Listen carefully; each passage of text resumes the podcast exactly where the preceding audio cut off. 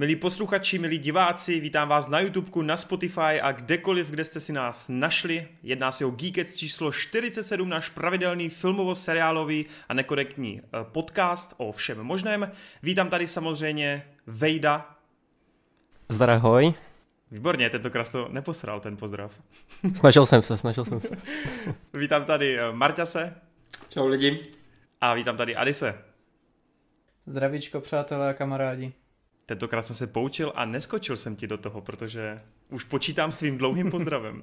tak, uh, my čtyři se opět pustíme do tajů a koutů filmového biznesu, podíváme se na nějaký dojmy, ať už novinek, které jsou relativně čerství, tak i věcí, které už nějaký ten týden mají za sebou. Kluci teda byli ani, to je potřeba tady zmínit, eh, na festivalu v Karlových Varech, ale nebudeme se úplně věnovat těmhle filmům, každopádně možná tu bude nějaký prostor, aby třeba v pár větách aspoň uh, pár věcí o tomhle Počkej, festivalu kluci, řekli. Jenom, jenom, já, jenom já jsem byl, ne kluci? Byl tam jenom Ades, ale v pohodě. no právě. Mně se líbí, mně se líbí, mně se líbí, že Adis mi to musí posrat, nemůže prostě dělat, že nic. A...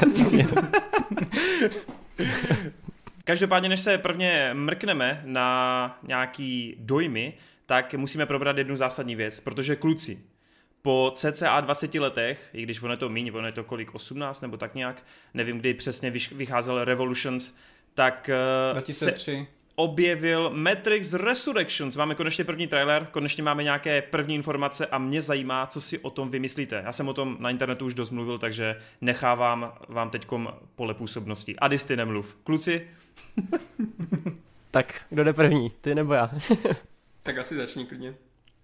Jo, ale tak mně se hrozně líbí, jak je teďka rozběhnutá ta reklamní kampaň. Mluvil o tom tady i Toren, jak tam jsou prostě různý ty hrátky s těma pilulkama a tak. Mám u toho zase ten dojem, že jde o něco víc, i přesto, že ten trailer je vlastně No, vypadá to jako zaměnitelný trailer na nějaký blockbuster. Nepůsobí to úplně tak, že by to měl být zase nějaká revoluce. Ale já mám strašně rád ten rukopis Lany Vachovský a jsem jeden z mála, kdo s ní fakt vytrval i v takových těch pozdějších filmech, jo, jako V for Vendetta, Speed Racer a furt jsem se jako nenabažil toho jejich vizuálna a nevadí mi to a ujíždím si na tom, takže vlastně se mi ta nová podoba Matrixu líbí a jsem strašně zvědavý, co vymyslí a jestli ten návrat uh, bude oprávněný a jestli po těch 18 letech to nebude prostě jenom nějaká rychlokvaška, ale myslím si, že ne. Hmm. Co si cítil ty, Marty? Měl jsi šimrání na koulích? Hej, to vyloženě právě ne. Já, jako ten trailer na mě extra nefungoval v tom slova smyslu, že bych právě měl jako úplně hype brutální. Některé momenty se mi líbily, jiné byly takové jako třeba, když přišel Morpheus mladý na scénu, tak jsem si říkal, ty jak, jak kdybych viděl nějakou levnou parodii nebo něco takového. to úplně nechápu, proč tam musí být. Ale, ale dozvíš se to, dozvíš se to. Ale právě já mám taky rád Vachovské. Já mám taky rád Speed Racera i, i takové filmy prostě od nich, kdy většina lidí říká, že to je úplně blbost, na ČSFD to má modré čísla a tak. Ale prostě ten jejich vizu, audiovizuální styl, i to, je, jak konstruují příběhy a tak, mně se to vždycky líbilo. Občas je to až moc komplikované i na mě, prostě, že třeba vyloženě Atlas jako jsem si nikdy nedokázal pořádně užít. Ale naopak jejich seriál Sense8 paráda. A proto jako doufám v to, že i když se tady hraje hodně s těma metanáražkama a tak, jak jsme se bavili třeba, ty, ty jak nám tady mm. říkal ty líky, že jo, a tak, mm. zní to hodně zajímavě jako uh, hodně odvážný experiment. Takže ne, z toho důvodu se na to určitě těším, ale že bych byl nějak totálně odpalený, to zatím ne, no. No ten Sense8 mě mimochodem hrozně vyskakoval během sledování traileru, hlavně tím, mm-hmm. tím filtrem, těma barvičkama a tím stylem, no, mm-hmm. ze mhm. začátku. Jo, jo. no, uh, Adis, co ty? Tak jsi řekla, nemluvím, ne, tak já mlčím. No, co k tomu mohu dodat? Já vzhledem k tomu, že se na trailery díval jenom v kině a ještě mi to v kině nepřehráli, tak jsem ho pořádně neviděl, jenom jsem dělal nějaký úryvky takhle prostě na sociálních sítích, ale co vlastně můžu vědět třeba, jak to řešil ty, že vlastně na těch webovkách si můžeš furt proklikat, že tam máš, já nevím, bambilon těch možných variací toho, jak si ten snímek ukáže a tak, po případě celkově ta reklamní kampaň, jak je to dělaný, tak ve mně to zbuzuje strašný hype, že to fakt bude, že nebo ne, že to bude, ale že to působí, že to má být právě něco takového převratného a revolučního. A ta experimentální stránka, jak říkal Marty, se mi právě na tom strašně líbí, takže jako já se těším s trailerem nějak nespěchám, protože já nespěchám tak nějak se všemi trailery, takže až to ke mně přijde ten trailer, tak ho uvidím, ale no takhle z toho, co jsem slyšel, tak jako to na mě působí strašně kladně. Až půjdeš na Dunu, tak to tam určitě Warneri vypustí ten trailer. Jo, já jenom jestli můžu říct, tak právě je obecně známý, že režiséři úplně nezasahují do té reklamní kampaně, do těch ukázek a tohle to už je potom role nějakých těch studií a různých produkcí. Třeba můj očekávaný film Last Night in Soho, tak tam je úplně vidět, že prostě Edgar Wright nechce, aby se ty lidi úplně koukali na trailer a že by nejradši byl, kdyby prostě žádný trailery nevznikaly a ty lidi šli hmm. až potom na ten film. Ale ta, ta reklamní kampaň právě na tom Matrixu tak má takovou podle mě vlastní jako strukturu, že si prostě žije tím vlastním světem a že tam musí být někdo, kdo přesně říká, hele, v tenhle ten moment ty lidi uvidějí tohle to je nějakým způsobem nahypuje, vyvolá to ty otázky, máme tady hrozně moc těch hrátek, jakože červený brýle, modrý brýle, je tam ten Neo s eh, dlouhýma vlasama, co vypadá jak John Wick a mhm. prostě mm-hmm. líbí se mi ten bas, který kolem toho filmu vzniká. No, já si pamatuju, že když trailer vyšel, tak doslova fakt sedm dnů v kuse se nemluvilo o ničem jiným, než o tom traileru a hmm. každý ho rozebíral, každý tam něco hledal v tom a bylo super, že to nebyla taková ta rychlokvaška, jak většinou bývá, že vyjde trailer, je kolem toho hype, druhý den už se o tom nemluví. Tak tady mi přišlo, že skutečně se to pořád nějak drží v nějakých sociálních bublinách a pořád se o tom horlivě diskutuje. Takže to mi dělá radost, nedělá mi teda radost už ta souběžná premiéra na HBO Max, ale chci doufat a věřit, že ty kina se zaplní, protože přece Matrix je velká kultovka. No. Na druhou stranu slyšel jsem hromady nespokojených uh, nějakých uživatelů, kteří říkají, že jde buď o kopii jedničky, že jde prostě o zbytečnost, že jde prostě o jenom že o rejžování peněz a tedy. Každý samozřejmě má svým způsobem nějakou pravdu na tom, ale jak jste vy tady všichni řekli, tak něco v tom obsahu mi naznačuje, že to prostě bude zase dost jiný film stejně jako ta trilogie. Takže to mi fakt bohatě stačí a to, že ty záběry třeba nejsou vyloženě nějaký money shoty, že to není úplně něco jako, že wow, to mi vůbec nevadí, protože věřím, že wow, bude až právě ten scénář a to, jaká tam bude ta myšlenka, takže na to se fakt těším. A mimochodem, Morpheus jako Jahja Abdul Matin ti přijde jako cosplay levná verze? Tyjo. Jenom, jenom v tom prvním záběru, víš co, jak poprvé jsem ho viděl v tom traileru, tak jsem si to pomyslel. Jako potom, když jsem se na to podíval několikrát ještě na ten trailer, tak jsem si trošku na něho zvykl, ale v ten první moment, víš co, když jsem, jsem nečekal, že tam bude až takhle doslovně ta scéna, prostě z, z jedničky, víš co, a je tam Morpheus jenom prostě úplně jiný. Chápu, tak... chápu. Bylo to trošku jak ty Indové dělali tu parodickou ukázku na YouTube, jak mu tam dali ty dvě ložičky a bylo to jakože Morpheus, takže... Já, já si myslím, že Jahja si to hrozně dá. Tak přeci jen je to jeden z neobsazovanějších afroamerických herců současnosti a myslím jo, si, ale... že tady zastupuje Samuela L. Jacksona no, do budoucna. no, uvidíme. tak jo. Samuel L. Jackson mi přijde víc hod. Jo, dobře. you motherfucker. yes. Uh, tak jo, kluci, pojďme na první novinku, na první věc. Uh, rovnou skočíme do Marvelu, do toho největšího mainstreamu. Hádám, že i to tady se bude nejvíc komentovat uh, v tomhle Geeketsu. Podíváme se na shang Ten film sice už je kolik? Nějaký tři týdny necelý v kinech, nebo možná už to budou tři týdny ale pořád je potřeba se k tomu nějak zpětně vrátit a prodebatit, jak se vám to líbilo. Já opět mám recku, já jenom v rychlosti schrnu i pro kluky, kteří neviděli, že jsem hodně spokojený, protože prostě miluju azijskou kinematografii a tady jsem opravdu cítil, že minimálně na té choreografii mm, pracovali lidi, kteří tomuhle rozumí. Hodně jsem tam v první půlce filmu rozpoznával ty propriety filmu s Jackie Chanem, což je díky tomu samozřejmě Kaskadérovi a právě tému Bradovi uh, Ellenovi, který teda bohužel zemřel. A celkově mě hrozně bavil ten mix toho nějakého civilního, realistického komiksu, ale zároveň mixnutýho s tou azijskou fantazi. A i když to finále je zase CGI bordel, tak já jsem byl velice spokojen, protože jsem se u toho cítil, kdybych znovu koukal na Naruto, na Bleach, na One Piece a podobně. Měl jsem fakt pocit, že sleduju spolu se shang takový ten typický příběh šonenovského hrdiny, eh, který postupně levluje, dostává power upy a ve výsledku mě to prostě hrozně moc uspokojilo. A překvapivě, ani ten uh, hrdina, kterýho jsem dost hejtoval už v trailerech, tak uh, mi přišel velice sympatický. Neříkám, že rovnou je z něho Kapitán Amerika, další bytelná základní postava Avengers týmu, ale určitě jako mě zaujal třeba podobně jako v minulosti Ant-Man, který se postupně u mě etabloval jako velice zajímavá postava, což jsem z první soulovky vůbec nečekal. A myslím si, že i ten shang má jako velký potenciál k tomu, co do budoucna předvede. Navíc super záporák po dlouhé době a celkově jsem byl fakt dost spokojen, protože i ten cringe humor mi tam nějak extrémně nevadil. Takže za mě velký překvápko, obzvlášť proto, protože jsem to vůbec nečekal. Tak, co vy? No, tak Já tady jsem si jenom četl své poznámky, protože tentokrát jsem připravený a ty z vyložení jel bod po bodu ty moje poznámky přesně, jak je to mám asi zrazený. Ale jestli na to můžu takhle navázat, tak než Naruto a blíž, tak mi to reálně připadlo jak dobře udělaný avatar vládce větru, jako v podstatě, že nepřišlo mm. vám to, že to je takový, jako, jak když všichni víme, že ten uh, filmový nebo hraný vla, avatar vládce větru jako není moc dobrý a tady jako mi to přijde, že je to jak in, ne inspirovaný, ale jako takhle bych si představoval, že bude udělaný dobře sfilmovaný ten avatar a to se mi tom strašně líbilo. Celkově záporák taky, jako jsem si říkal, že po dlouhé době zase máme nějakého záporáka, když teda nepočítám toho největšího za minulou ságu tady Tanose, že ten záporák má něco do sebe a hlavně já jsem na ten film šel vlastně jenom skrz to, že jsem byl v té době ve Španělsku a já jsem si říkal, tyjo, tak v tomhle tom kině jsem dva roky nebyl, tak jsem zase zajdu a tak hraju v shang tak si na, na, na, to půjdu, ale jinak vlastně tady Marvelovky MCU jako už z Black Widow jsem si řekl, že byla chyba, že jsem na to šel a byl jsem fakt hodně překvapený a celkově to za sebe řadím jako určitě jeden z nejlepších originů za MCU. Neříkám, že nejlepší, ale měl bych to v nějaké topce. A co týče jako solovek, tak taky jsem s tím hodně spokojený. A celkově, jo, ty si vyzdvihl jako ten začátek, jak jsou tam prostě bojovky tělo na tělo, to je paráda. Ale upřímně, mně se i líbil právě ta druhá část, protože jo, sice je to Digibordel, ovšem, tím, že tam vlastně ten Digiboard, tak to vlastně přináší do toho MCU se tak kompletně něco, co tady dřív nebylo, nebo do teďka to tam nebylo. A jak já jsem si právě myslel zpětně, já nevím, nějaký ten rok zpátky, že, nebo už to vlastně dva roky zpátky, když jenom vrcholo Endgame, tak já jsem si říkal, tak teďka jako ten konec a už nic dál nebude.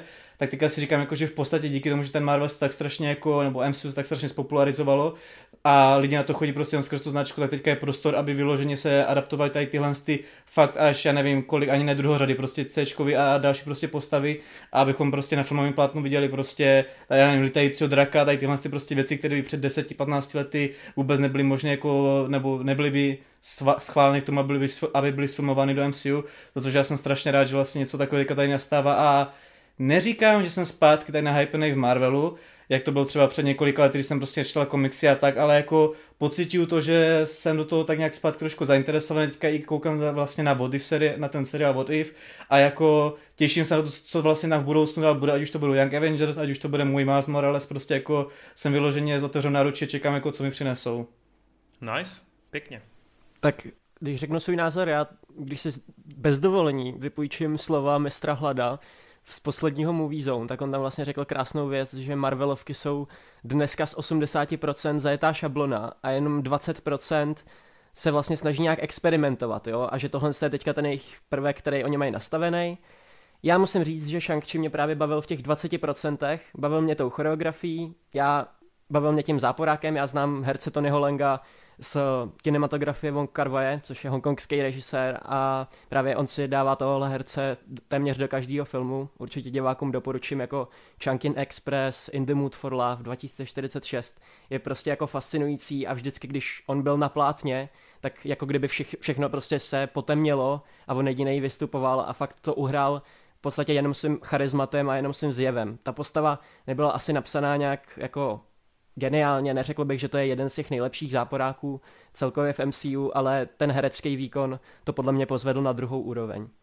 Každopádně s čím mám problém, tak to je, že když si odmyslím nějakou tu choreografii, když si odmyslím ten styl, tak těch 80% zbylejch je pro mě hrozně jako plochých. Ty nemáš problém s tím hlavním hrdinou, mně se upřímně líbí ten herec Simuliu, mm-hmm. ale přijde mi sympatičtější ten herec, než ta postava, kterou on stvárňuje v tomhle filmu. Přijde mi hodně nevýrazný, to vlastně můžu, můžu říct i o té Aquafině, což je prostě další postava, která je tam jenom od toho, aby nějakým způsobem hláškovala a tak, ale přišlo mi takový hrozně plochý a jako nebylo tam něco, nemám z toho pocit, jako by, kdybych se díval na film. Když si pustím prvního Ironmana, když si pustím prvního kapitána, vím, že to není srovnatelný, ale mám furt pocit, že je to prostě nějaký filmový dílo, který má nějak ty narrativní struktury, dejme tomu, že prostě nevím, co očekávat, jo. Mm-hmm. Zatímco tady přesně vím, do čeho jdu a je to ten Disneyland navlečený do, toho, do těch eh, čínských kulis, no a když si fakt odmyslím těch 20%, tak bez toho ten film by nebyl zdaleka tak dobrý. S těma 20% se to u mě dostane na takový ten Marvel průměr, ale určitě bych neřekl, že to je jedna z nejlepších uh, jedna z nejlepších těch eh, samostatných filmů. Myslím si, že je dobře, že jsi to srovnal s tím Ant-Manem, protože Ant-Man je podle mě i v tom prvním filmu mnohem charismatičtější než ten uh, Shang-Chi samotný. Mm-hmm, Jo, já jenom jestli do toho ještě jako můžu trochu vstoupit, tak uh, souhlasím vlastně s tím, že ten samotný herec je asi trošku větší výhra než ta úplná postava, ta fiktivní, ale třeba musím říct, že na, v rámci nějakého právě toho MCU standardu, tak mě překvapily některé věci i, i vyloženě u toho charakteru. Ať už se tu bavíme třeba o tom, že ty zjistíš později, že celou dobu ti předkládá nějakou věc z minulosti, která ale nakonec byla úplně jinak. A najednou zjistíš, že vlastně ta postava asi není i tolik kladná, jak ty si s tím počítal. A přitom si myslím, že diváky dokázal velice jako jednoduše svíz z toho, že jo, vlastně on to tehdy neudělal. Ale pak zjistí, že to udělal. Já neříkám, že tam je nějaký silný dopad, ale minimálně to tu postavu mm-hmm. jako trochu rozvrstvuje, víš, že stejně jako ten uh, vztah kamarádský s tou postavou Aquafiny, s tou Katie, který upřímně mě právě šokoval a překvapil tím, jak dobře tady funguje po dlouhé době vyloženě kamarádství, holka kluk, jo? že to není zase zbytečně tlačený na to, že tam musí vzniknout ta romance, i když tam jsou hlavně v prvních částech filmu velký narážky na to, že ta její rodina si myslí, že jo, budete spolu to. A jsou to drobnosti, jsou to možná právě těch tvých 20% nějakých do toho, ale mě právě tady tohle přebíjí ten standard, protože já už jsem vzdal, už fakt jako jsem vzdal před lety, nějaký pocit toho, že Marvel mi dokáže naservírovat jako něco víc v tomhle hledisku. A já k tomu teď přistupuji opravdu čistě jako k blockbusterům, který nemají vůbec žádné ambice. Jako fakt ne. Ambice maximálně v tom, aby z toho žánru nějakým způsobem vykročili, ať už je to do fantasy, thrilleru, sci-fi, rozumíme si. A právě ten Shang-Chi, který je standardní ve své podstatě, úplně standardním filmem na 5 z 10, tak právě tím vším, co jako, jak to zaobalil, jak je to natočený, to, jak je to dravý, jak to má nějakou energii, jak to má šťávu, tak tohle všechno mi to fakt v vozovkách vyhypilo na těch třeba až jako možná přemrštěných, ale těch třeba 75% pro mě, jo. Já se právě ne, snažím jsi... najít nějaký. Sorry, Adis. ne, pro, Já se právě pokračuji. snažím najít nějaký ten klíč k tomu, kde mi ty Marvelovky přijdou jako film a kde mi přijdou jenom jako horská dráha a myslím si, že to je tou reží samotnou. Ty jsi tady mluvil o tom, jak shang vlastně najde sám sebe a jak tu postavu to, dejme tomu, vykoupí v tvých očích, ale jak v Addis, tak já jsem si dělal i taky poznámky k tomuhle filmu a mám tady napsáno Shang-Chi payoffs najít sám sebe je na hovno, protože režie. A vlastně to je i důvod, proč já nemám rád ty seriály od Marvelu jako Winter Soldier, uh, pardon, Falcon a Winter Soldier, WandaVision, protože ta režie podle mě vždycky selhává nad tím, nad, to, nad tím celkovým obsahem, co se snaží předat. A u toho shang mi přijde, že prostě to taky kolikrát jde na půl plynu. Je tam strašně moc jednoduchostí a máš pravdu, že vztah Aquafiny a uh, toho Simulia je skvělý. Ty scény v baru mi kolikrát občas připomínaly, i jak jsem poznal vaší matku, když hmm. se teda, jestli se můžu takhle rouhat. Na druhou stranu máš tam pořád scénu, kdy ona se za den, den naučí střílet z luku ano, a pak prostě Ano, ale vyhraje. tohle je prostě komiksový film od Marvelu, víš jak? To je, to je Já stejný, vím. jako si stěžovat jako na to, že na to Pepper, Pepper ovládá Ironmanovskou zbroj a podobně, jo? Že... Jo, ale tý Pepper to věřím, rozumíš? Ale z jakého důvodu, tady, když tam tady vůbec není žádný trénink? No, jasný, ale to, právě z jakého důvodu? Já si myslím, že prostě scéna s Pepper je líp natočená režíně nebo nějakým způsob, jako nějakýma jo. formálníma způsobama než ten Shang-Chi. To okay. je to, co chci podotknout. OK, OK. No, Jenom zr... jo, promiň, Kate, tak Kate, já jsem to dodat, jak jste to zmínili, podobně jak Kuba přistupuje právě takhle, jako to blockbustery, tak já jsem, já nebo stále mám, já jsem na to úplně přistoupil. Problém s MCU filma, s filmy, že tam prostě bude každá postava na stejný bod furt hláškovat a jako neříkám, že jsem se tomu podal, ale prostě už tím tak nějak počítám a neberu to jako, že to bude to, co mě prostě to skazí. Ovšem tady by ty hlášky tam byly, tak mě přišli takový jako ne tak nasilno tlačený na smysluplný právě kolem té Katie, že v podstatě se tam hraje ta, ta sranda stran toho, že v podstatě ona je ta druhogenerační číňanka v té, žijící v té Americe a tohle je vlastně, jak si říct, jako velký téma, ale vlastně takový ten typický případ toho, že vlastně je člověk Aziatem z nějaké z té své azijské země, ale vlastně narodí se, tady v Česku se tomu říká u Větnamců vlastně banánoví děti, že vlastně jsou naroděny jako větnamským rodičům, ale mají v sobě kulturu vlastně tady Česká a střední Evropy. A kolikrát třeba mají i tu češtinu lepší než větnamštinu, po případě, jak to tady bylo ukázané právě s tou Katie, takže ona čínsky takřka nemluví a byť je vlastně teda jakože čistá číňanka, až na tomhle to byly takové narážky, to byly takové prostě vtipy, které by se dali použít i nehledě prostě na MCU film, ale v podstatě kdekoliv nebo i v normální mluvě a proto mi to tolik nevadilo, jak třeba vtipy jako v jiných těch Marvelovkách, no to jsem chtěl takhle jako mm-hmm. tomu mhm. dodat. Asi jako souhlasíme s tím, že je škoda, že se to nakonec nepromítá v té Číně, ne? Ty jo, jako tam je snad problém s tím, že Simuliu není moc hezký, ne? jsem já slyšel. Myslím, ne, tam, Mě přijde v pohodě. Tam je spíš politický problém. okay. Čína teďka okay. hodně, ale hodně tvrdě uh, začala jak kdyby postihovat lidi, co jsou čínského původu, ale žijou v zahraničí, nebo jsou jako v zahraničí nějakým způsobem vlivní. A pokud ti lidi jako veřejně nejsou v podstatě přisluhovači Číny, tak oni se snaží teďka kdyby trošku odstřihnout z toho veřejného života v Číně. Jo, jasně. Proto, proto když um, máš jako film od uh, lidí, kteří v podstatě jako nejs, nejsou veřejně pro, úplně pro čínští, nebo jako nejdou jim úplně na ruku, tak oni nechcou, aby se to tam promítalo, aby ještě posilovali svoji, svoji slávu u nich v Číně, víš co?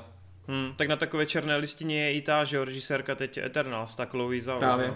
Právě, právě proto ta, jako Marvelu, ta saska na to, že si vybere pár jako čínské, čínských uh, jako lidí, co mají čínský původ a budou na nich stavět tady tyhle ty azijské filmy, tak jim totálně nevyšla. Protože si vybrali špatné lidi, kteří v podstatě jako jsou moc pro západní a málo pro čínští. A teďka mrzí jako... mě to, jako mrzí mě to, protože shang mu bych určitě přál minimálně v kinech tu půl miliardu a takhle si myslím, že skončí někde u 300, no, ale a myslím si, že si určitě zaslouží víc než třeba taká Black Widow, no.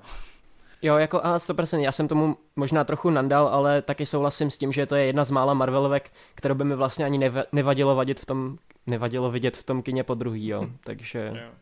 Já bych ještě poslední nějaké. věc, která mě mile překvapila, kterou bych chtěl říct, nebo dvě poslední věci. První je, že Marvel po dlouhé době fakt jako, nebo když nepočítám Endgame, tak eh, strašně hezky utajil jednu postavu, která se jako vrátí a která má docela důležitý prostor, takže za to fakt respekt, že to nevyspoilerovali. A druhá věc, eh, která mě potěšila, tak Veď tady říkal, že třeba tam úplně neviděl ten rukopis režisérský, nebo že to nemělo takovou tu jako pro něj kinematografickou, jak to říct? Asi mi nepředal, nepředal ty emoce, které jsem jo. měl cítit. Tak mně no, třeba přišlo, že minimálně celá ta scéna, ta minulost, kdy Shang-Chi společně s Venvuem, s otcem, jdou do toho baru, se v uvozovkách pomstít tomu místnímu gengu a jak tam třeba sleduješ ten záběr, kdy ono chytne z toho stolu a přes to, přes to sklo, přes, vidíš jakoby zpětně s tou kamerou, jak ono prohodí tím sklem a jak ho tam jako dorasuje na té zemi. To mě přijdou jako fakt záběry, který jako normálně v Marvelovkách jsem jako ve filmových tak často neviděl, že přišlo mi to hrozně takový jako hodně civilní, přišlo mi to fakt jako drsný a cítil jsem tam fakt jako takovou důležitost a velký respekt, jo, že já vím, že to je možná blbost, ale přesně zase, to jsou takový ty malinkatý dílčí detaily, který mě ten film ještě víc jako tahali nahoru, jo. A... Jo, já asi chápu, co, co chceš říct, nebo myslím si, že vím, co si cítil, ale já jsem to měl jenom tak, že jsem si řekl, OK, ale Tony Leung jako hraje fakt dobře, no. To je všechno. OK, dobrý, tak jo. Uh, no, Marťas, ty to neplánuješ v kině? Uh, v kině nevím, asi spíš potom později. Jo. Já jsem teďka spíš jako ne kvůli tomu, že mě to úplně nelákalo, protože já mám rád uh, tu azijskou kinematografii, martial arts a tak, ale prostě nebyl čas na to teďka. Je, děje se to strašně hodně. Navíc i jako filmu začalo vycházet docela požehnaně, takže nebyl nedostatek. Jasně, že bych vyloženě potřeboval něco. Takže možná do budoucna, až, nebo určitě do budoucna, až to bude na DVD. Dobře, dobře. Tak jo, no tak eh, aby se nám teda rozpovídal, Marťas, abys tady nebyl tak jako zkrátka, ty jsme tě tady 20 minut ignorovali. Ne, v pohodě, já jsem si rád poslechl, jako jsou vaše dojmy. Uh, tak uh, řekni si, o čem chceš teď povídat. Dáš Green Knighta? Uh, chceš Green Knighta, jo? Tak jako klidně můžeme, no. Já jsem myslel právě, že u Greenlighta vás právě nechám mluvit první, abych zase věděl, co vy na to říkáte. Je abych takové. vám třeba, kdyby Adis tady dělal nějaké poznámky a... Tak se toho chop. Já, já... chopím. Já, a ty mě do, ty, jo, já se toho chopím, nějak to rozprcám a ty to tak nějak hezky urovnáš, to bude parádní. Rozprcej to. takže, takže já bych pravdu řekl, já jsem po zhlednutí toho filmu byl, měl takový rozpolcený pocit, jsem si říkal jako, užíval jsem si to, ale vlastně hned z začátku jsem si říkal, jako váš, takhle vzniká celá ta zápletka a na konci jsem si řekl, a tohle je to vyvrcholení. A byl jsem to takový jakože zmatený a úplně jsem si říkal jako, jako mělo to nějaké ambice k tomu, že to někam vede, nebo to v podstatě bylo v vozovkách, jako neříkám, že to bylo o ničem, ale jako ta, ta myšlenka byla taková, jako mělo to nějakou náplň. A pak jsem si řekl, zase na druhou stranu v průběhu toho filmu jsem byl fakt strašně to vžitý a vyloženě jako jsem si to užíval, takže si říkám jako asi mě to jako vnitřně bavilo, že to nebylo, že v podstatě bych tam seděl a nudil se. I mě teda v konečném setku nevadí, že ten konec takový, nevím si říct, otevřený nebo jako nedotažený, ale asi největší problém, co teda mám, je vlastně ne ten začátek, že vlastně celá ta záblatka že to všechno stane tak nějak úplně, jak to říct, jak když z hlouposti nebo bez žádného takového velkého odůvodnění, ale co teda samozřejmě mi to celou tak nevystáhlo, kromě teda nějaké té výpravy a té náplně, bylo to vlastně audiovizuální zpracování, jako hudba ta byla naprosto parádní, přechody takhle z různých scén, nebo jak je to takhle poradné, jako to jsem si fakt strašně užíval, jak to jde ještě do ruku ruce s tou hudbou, takže to bylo super. A v konečném důsledku, nevím, jak to mám zhodnotit, jako jsem s tím filmem spokojený, ale jsem překvapený, jak jsem z toho rozpolcený. Asi takhle bych to jako uzavřel za sebe. Já jenom do toho vstoupím. Ty máš pocit, že to má otevřený konec? Nebo, ne, já jsem řekl, že já jsem to řekl, já jsem otevřený, respektive nedotažený, tak ne otevřený říkám, jakože škrtám, to, ale jakože ne, nedotažený, jo. že to je takový prostě no, jako mě to, mě to přijde jako, Dozvíme, že Ades to nepochopil. Mně přijde, mně přijde ten konec jako extrémně dotažený, takový setnutý. Ne, ne, bych to řekl antiklimatický, takhle bych to nazval. Dobrý. Chápu, chápu. Uh, tak Marta, sklidně povídej, jestli chceš. Uh, ještě takhle, Filipe, ty jsi to viděl? Uh, já jsem to neviděl, bohužel, neviděl. nestihnul jsem to. Uh, protože mně taky přijde, že ten jako konec není úplně jednoznačný. Že Fakt? jako je otevřený interpretaci. Právě proto mě překvapuje jo. tebe slyšet, ha. že jako od Kuby, víš co, že překvapuje mě slyšet, že říkáš, jako, že jsi takhle jistý, jak, jak to skončilo, ale to je dobře, protože to znamená, že mm, ten film pro tebe má, uh, má kdyby jasné zakončení, že ty jsi vytvořil ten příběh pro sebe. A to je přesně to, co, chtěl ten, ten režisér. On chce, aby to bylo hodně nejednoznačné, ten film, proto hodně těch scén je takových jako VTF, že pokud ty nad nimi nepřemýšlíš jako fakt hodně aktivně, tak uh, si říkáš jako, co se děje. A mně se tohle stalo hned u jedné z prvních scén, že já jsem nebyl, já, já, já hned jak jsem jako začal ten film, tak i když jsem byl připravený na to, že, nebo ne připravený, že jsem čekal, že to bude docela těžké na sledování, tak stejně jsem nebyl právě připravený na to, jak až že uh, jestli, jak je tam ta scéna, uh, kdy je svázaný v lese a ta kamera jo, se pomalu ta, otáčí. Jo, jo, toč, jo, jo. A teďka se mění přesně, ty to si... roční doby. To, to mě zajímalo třeba Adesovi, a když jsem byl na tripu v té chvíli. ne, pr- to bylo přesně první moment, kdy jsem si řekl, že se, že se v tom začal nějak motat a úplně jsem se začal znejisťovat, jestli to se děje. Pak jsem se, pak jsem se zpátky jako namotal a držel jsem se a pak tam byl nějaký takový další záškuby, to bych tady mohl jako prozrazovat, prozrazovat, což nechci, ale jako pak jsem se do konce toho filmu jako udržel a říkal jsem si jo v pohodě, ale pak i ten konec právě, je teda mě zarazilo, že jako pro mě to bylo svým způsobem takový, že si to člověk může, jak řekl Marty, jako vyložit podle sebe, že to může být tak nebo onak, že jo. Proto bych řekl, jako, že, proto mě nejprve napadlo říct jako ne, uh, otevřený, ne teda nutně otevřený, spíše antiklimatický, ale furt bych neřekl, že tam je prostě pro všechny jeden jasný konec, ale že to může být právě, řekl Marty, založen právě na té interpretaci, jak to ten divák sám pro sebe vyloží. Ty jo, já jsem v šoku, dobře, OK. Já totiž, já, já jsem se o tom v kině bavil jako na konci s pěti lidma a všichni jsme to pochopili hmm. úplně stejně. Ale tak to je, to je dobře. To Ale jako navíc je... já tam ani nevnímám, že by tam jako měl být vůbec prostor pro to, aby si to hmm. mohl jako nějak jinak. Ty totiž sleduješ, že jo, posledních 20 minut je hodně těžký VTF, kdy tam jsem si říkal, k čemu to vede, jak to, proč tohle. A pak se to naštěstí vysvětlí právě tím zvratem a ničím. A, a pak ten jako konec, skutečný konec, tak ten jako je jasný, prostě ten je podle mě definovaný tam jako není jako podle mě žádný jestli, otevřený jestli vrátka. Chceš, jestli chceš, tak se k tomu vrátíme příště. Tohle je zrovna jeden z filmů, co bych tady strašně nerad vyspojiloval, protože jasně, jasně. pokud to někoho nahypuje, aby se na to podíval i třeba za nějakou delší dobu, když to bude jako víc eh, dostupné třeba na těch DVDčkách a tak, tak eh, eh, tady tohle je zrovna film, u kterého, když nevíš, do čeho jdeš, jako co hmm. týče toho, co se stane, tak je to o to lepší, protože když ti někdo řekne, a jak si myslí, že, že to jako ten příběh funguje a jak jako, jaké jsou ty zvraty a proč je tam něco a, a, a tak, tak ty to tam potom uvidíš.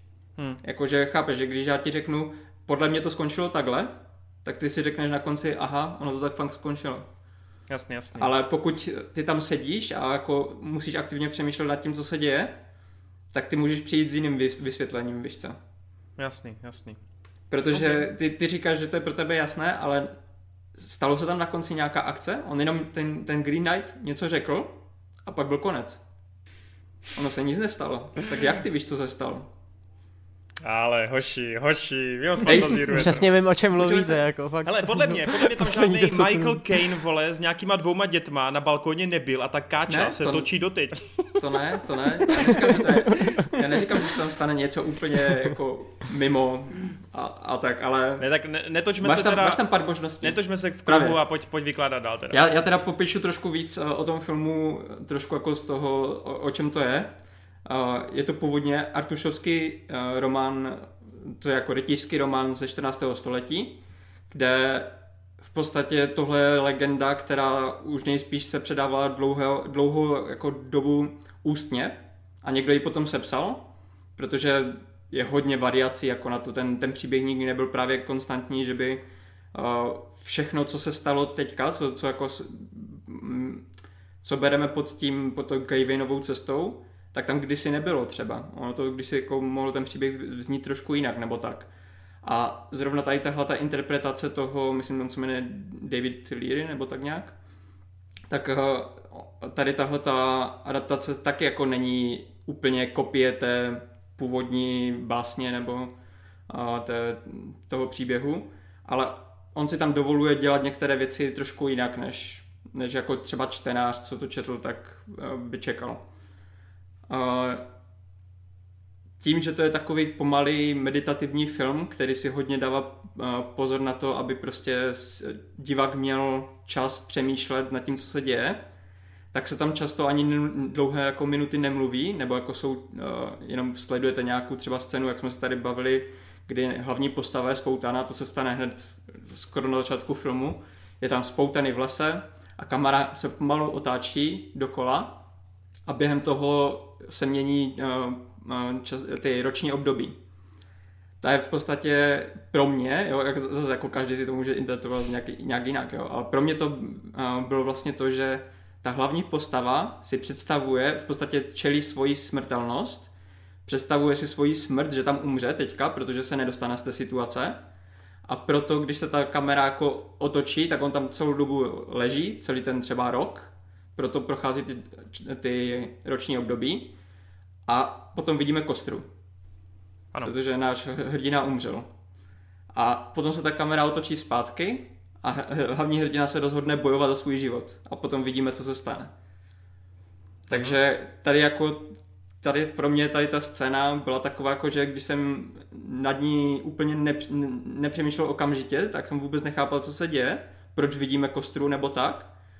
A až když jsem dokoukal ten film, tak, tak jsem si uvědomil, tyvo, jako, že tematicky to dávalo úplně smysl, protože ten film je rozdělený do pěti částí a každá ta část uh, ukazuje jednu rytířskou cnost, proto tam jsou často záběry na takovou tu pěticípou hvězdu, co oni mají ve znaku.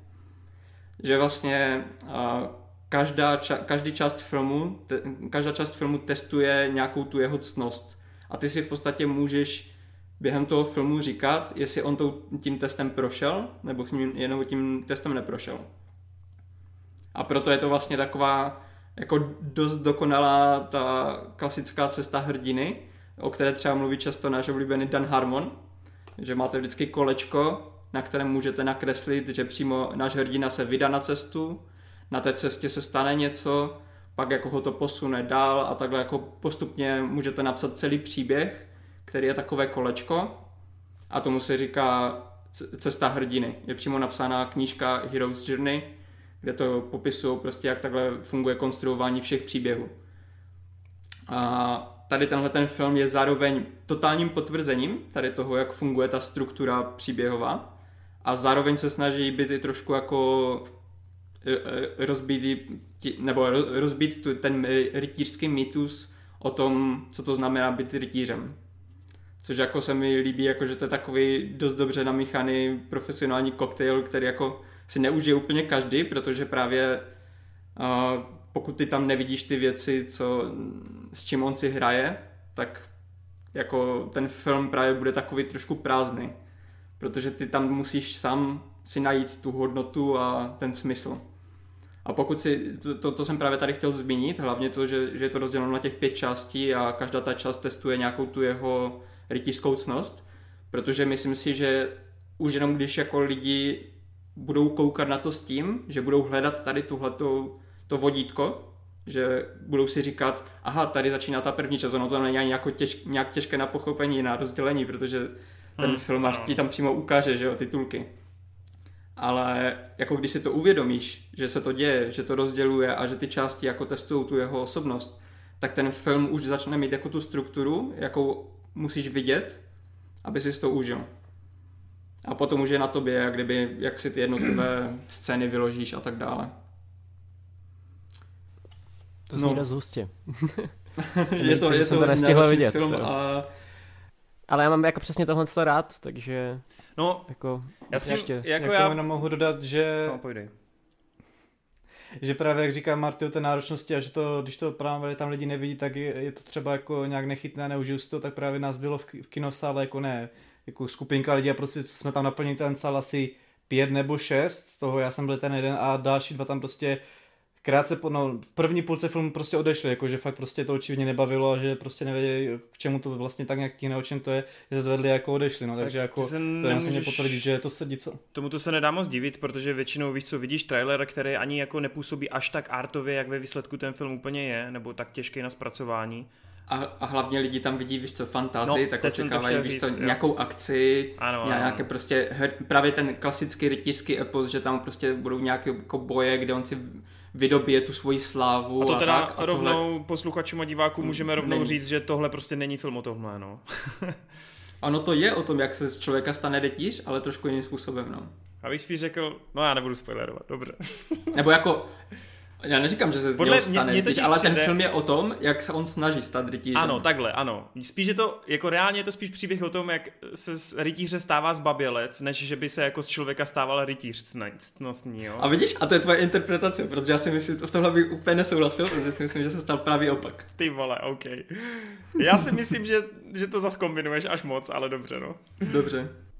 No, jenom, jak si tady všechno zmínil, já vlastně souhlasím s tím, že audiovizuálně souhlasím úplně se vším, ale u některých scén, a teď já opravdu jako chci znovu podotknout, že to, co tady Marta říkal, tak tohle jsem já tam jako viděl, tohle já jsem chápal, tohle jako třeba pro mě nebyla novinka, takže nechci jako působit, že jsem to jako v uvozovkách nepochopil, tohle jako vím, ale měl jsem problém s tím, že některé ty pasáže v některých těch částech mi přišly zbytečně moc jako koukejte teď pět minut, tady dělám art který jako je opodstatněný svým způsobem, ale nemusel by za prvý být takhle dlouhý a za druhý by ani jako nemusel ho tam být tolik, protože ta myšlenka se dokázala předat třeba už v minulé scéně a trošku srozumitelněji. Jo, že mě občas přišlo, že tím, jak on se opravdu snažil udělat dost výjimečný příběh, a funguje v mnoha částech, tak někdy jsem narážel právě jako já jako divák s tou jeho vizí, kdy mi přišlo, že zbytečně moc tlačí na pilu a zbytečně se snaží teď působit, že jako ještě trochu dál, jo. Ale to je čistě jako můj osobní problém, ne, že by to vyloženě asi byl problém jako pro každého, kdo to bude sledovat, ale ten film by klidně mohl mít o nějakých 15 minut míň a pro mě osobně by fungoval úplně stejně, jen bych si ho víc užil.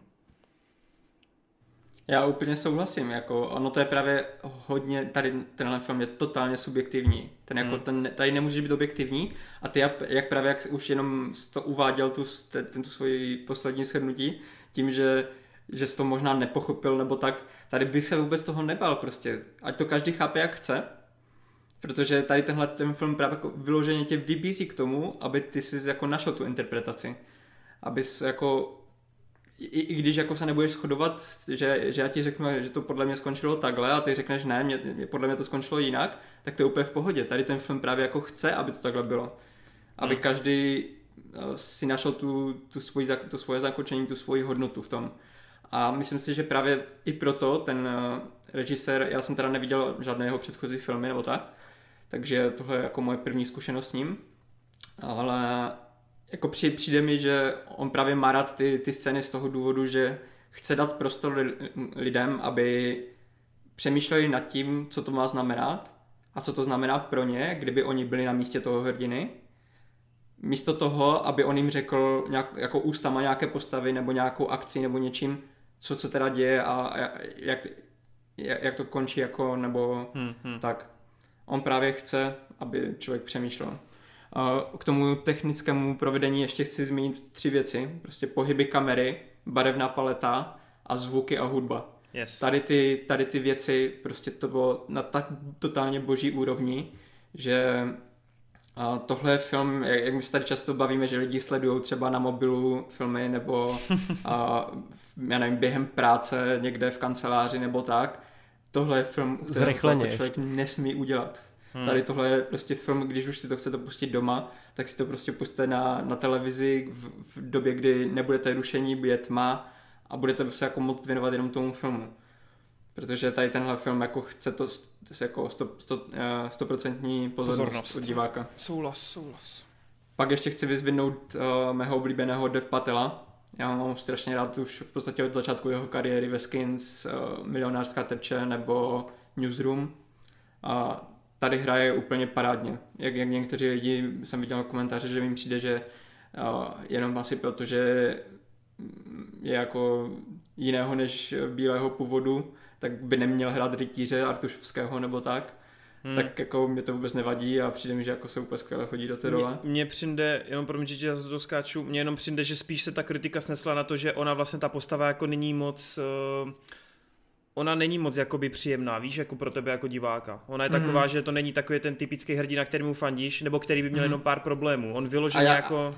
A já právě v, to, v tom se mi strašně líbil ten, jako ten uh, herecký výkon jeho, protože on do teďka hrál strašně likeable postavy, víš co? Ano, ano. ano. Ve, ve, ve, všem, co hrál, tak on je vždycky takový ten miláček, jako co, co je úplně jako v podstatě nejhodnější z té party, nebo, nebo tak.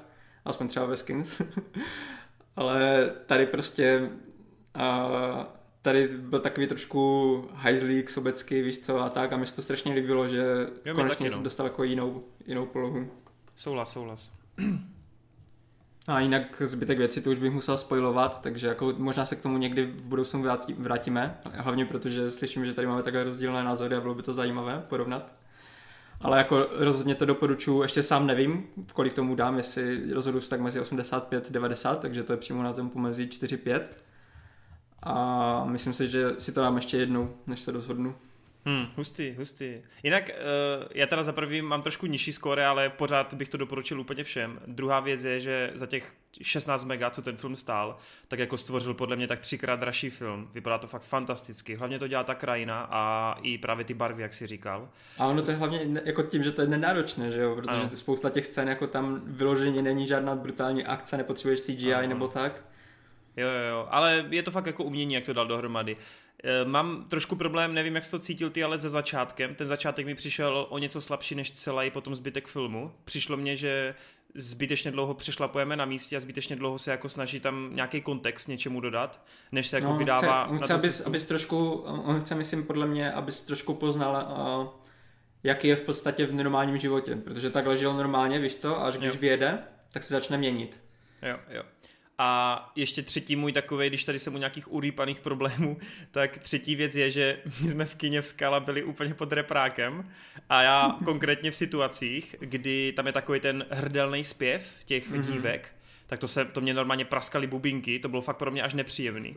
Ale to je jako vyloženě... Ta hudba je úplně super. Je, hele, hudba celkově v ostatních pasážích je hudba perfektní, ale já jsem byl fakt přímo pod reprákem a v mm. momentě, kdy tam ty holky měly ten hrdelný zpěv, to jsem umíral jako ušima. Já to věřím, no.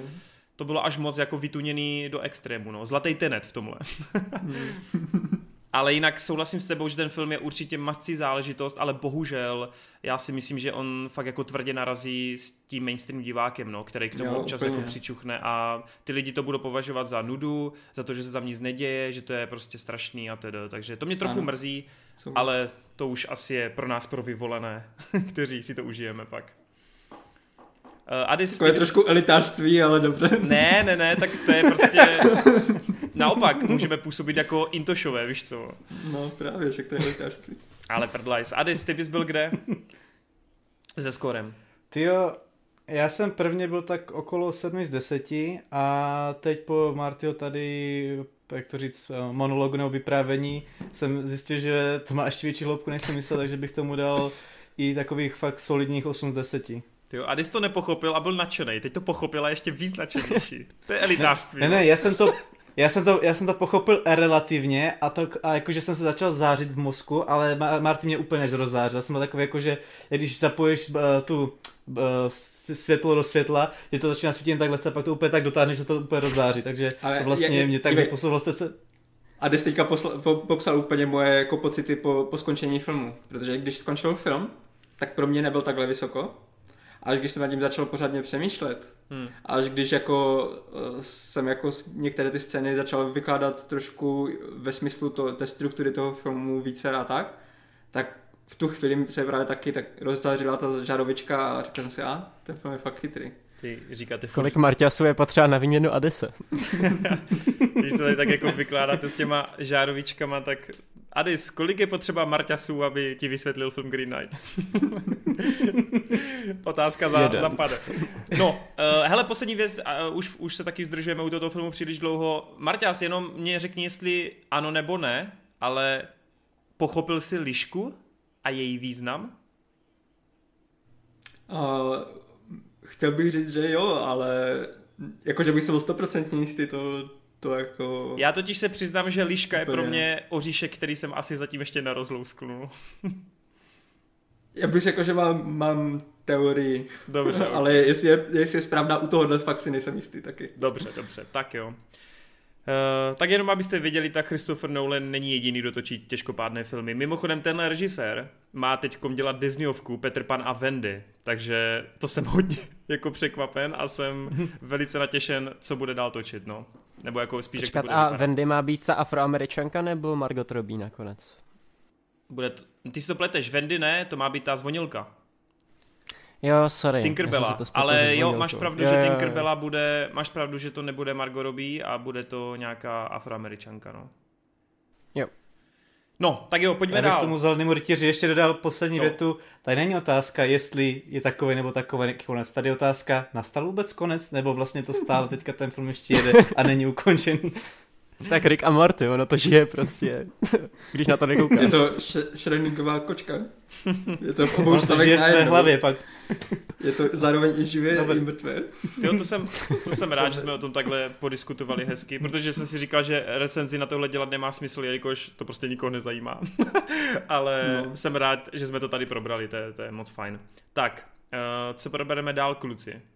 Adis, co jsi ještě viděl? Probereme teď v rychlosti tu reminiscenci ještě. Já bych rád zapojil Vejda, ale kromě toho, kromě toho dokumentu úplně nevím, no. Tak ať si dá nějakou ale... recenzi. Ale klidně, ne, hele, Vejde, klidně řekni pár slov o, o Brothers. O Sparks Brothers. Takže, já jsem nebyl v Karlových Varech, ale byl jsem v Airu na projekci Sparks Brothers, což je nový dokument od Edgara Wrighta. A i přesto, že to je můj oblíbený režisér, tak ten film je takový strašně neuchopitelný. Jedná se o dokument uh, o kapele, o kapele, o který pravděpodobně nikdo z vás neslyšel. Já jsem teda znal jako asi dvě písničky od nich, které jsem tak jako různě poslouchal, ale je pravda, že o té kapele, i když si přečtete Wikipedii, tak se nedozvíte absolutně vůbec nic. Hmm. A pak vlastně jdete na ten dokument a zjistíte, že ta kapela úplně definovala 80. léta a že bez ní by prostě jako tady nebyla ta hudba, kterou třeba někdo poslouchá. Já třeba miluju New Order, tak přímo New Order jsou prostě v tomhle tom dokumentu a řeknou, že by nikdy nevznikly bez Sparks. Hmm. Ta kapela, právě abych vám to vysvětlil... Slovy, že ti... oh. Jo, sorry, povídej.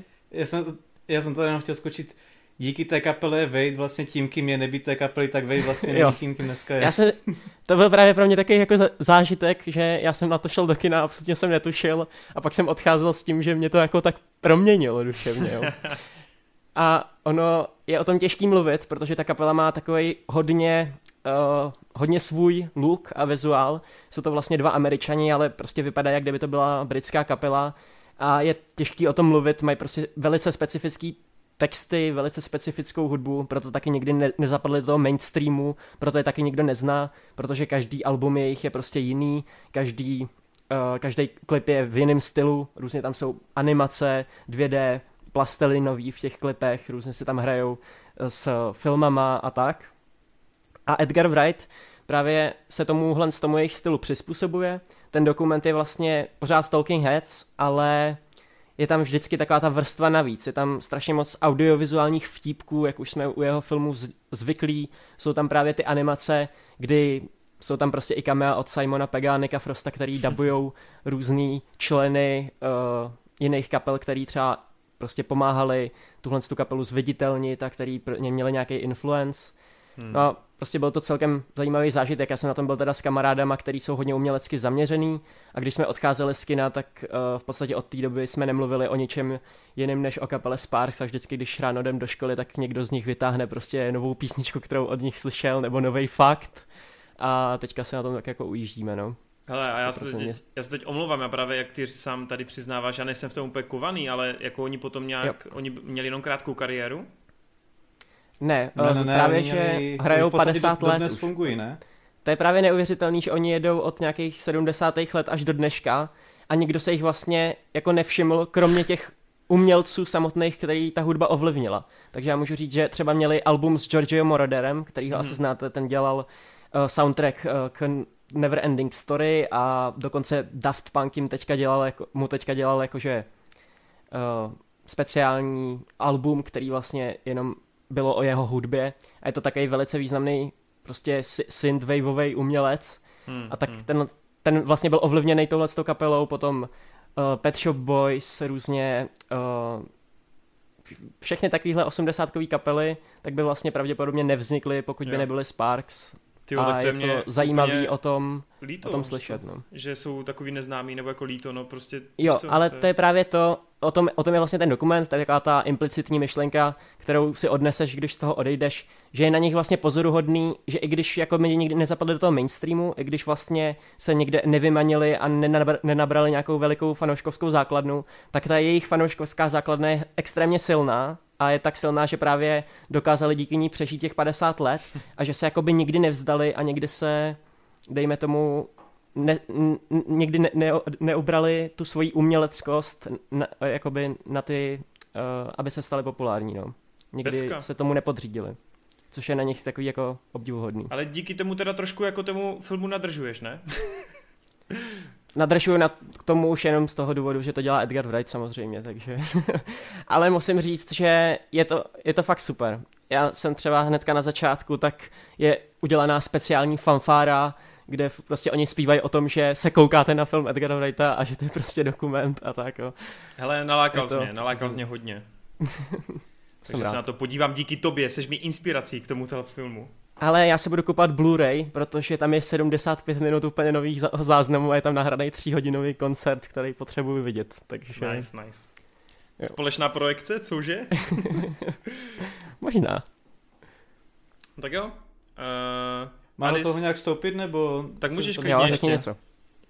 Já jsem to právě viděl, protože jsem byl na tom v Karlových Varech a jako právě tak v tom Karlových Varech se docela dobře dá vypozorovat na tom, jak ty lidi odchází z toho kinosalu, že někteří prostě třeba já neodcházím nikdy, když mi to nebaví, že prostě chci udělat vlastně ten zažitek mi tak ucelený, ale hodně lidí právě takhle zvedne odchází a na tom Sparks Brothers oproti těm jiným devíti nebo kolika filmů, co jsem viděl, jako odcházeli nejvíce a nejenom z začátku, a pak třeba i v půlce a tak jakože se to tam nějak jako tak drolilo víc a víc a víc, někteří lidi tam usli, takže takový jako jak to poradit. Já třeba mám rád tyhle ty hudebně zaměřené filmy, ať je to prostě Street Up the Compton nebo něco jiného, nebo jak je to podaný třeba jako je Star is Born, a nebo v rámci toho festivalu jsem byl na filmu Tina, což je vlastně Tina Turner a každý, jsem, každý z těch filmů je jinak podaný a tady tenhle ten je fakt takový udělaný, hele, my tady budeme sedět, povídat a bude to něčím tak jakože proložený, prostřížený, takže takový těžkopádný prostě pro člověka, který tohle toho nemusí nebo na to není připravený, po případě, že mu to nic neříká, takže jako to může být velká nuda a taky to tak jako na těch lidech šlo vidět.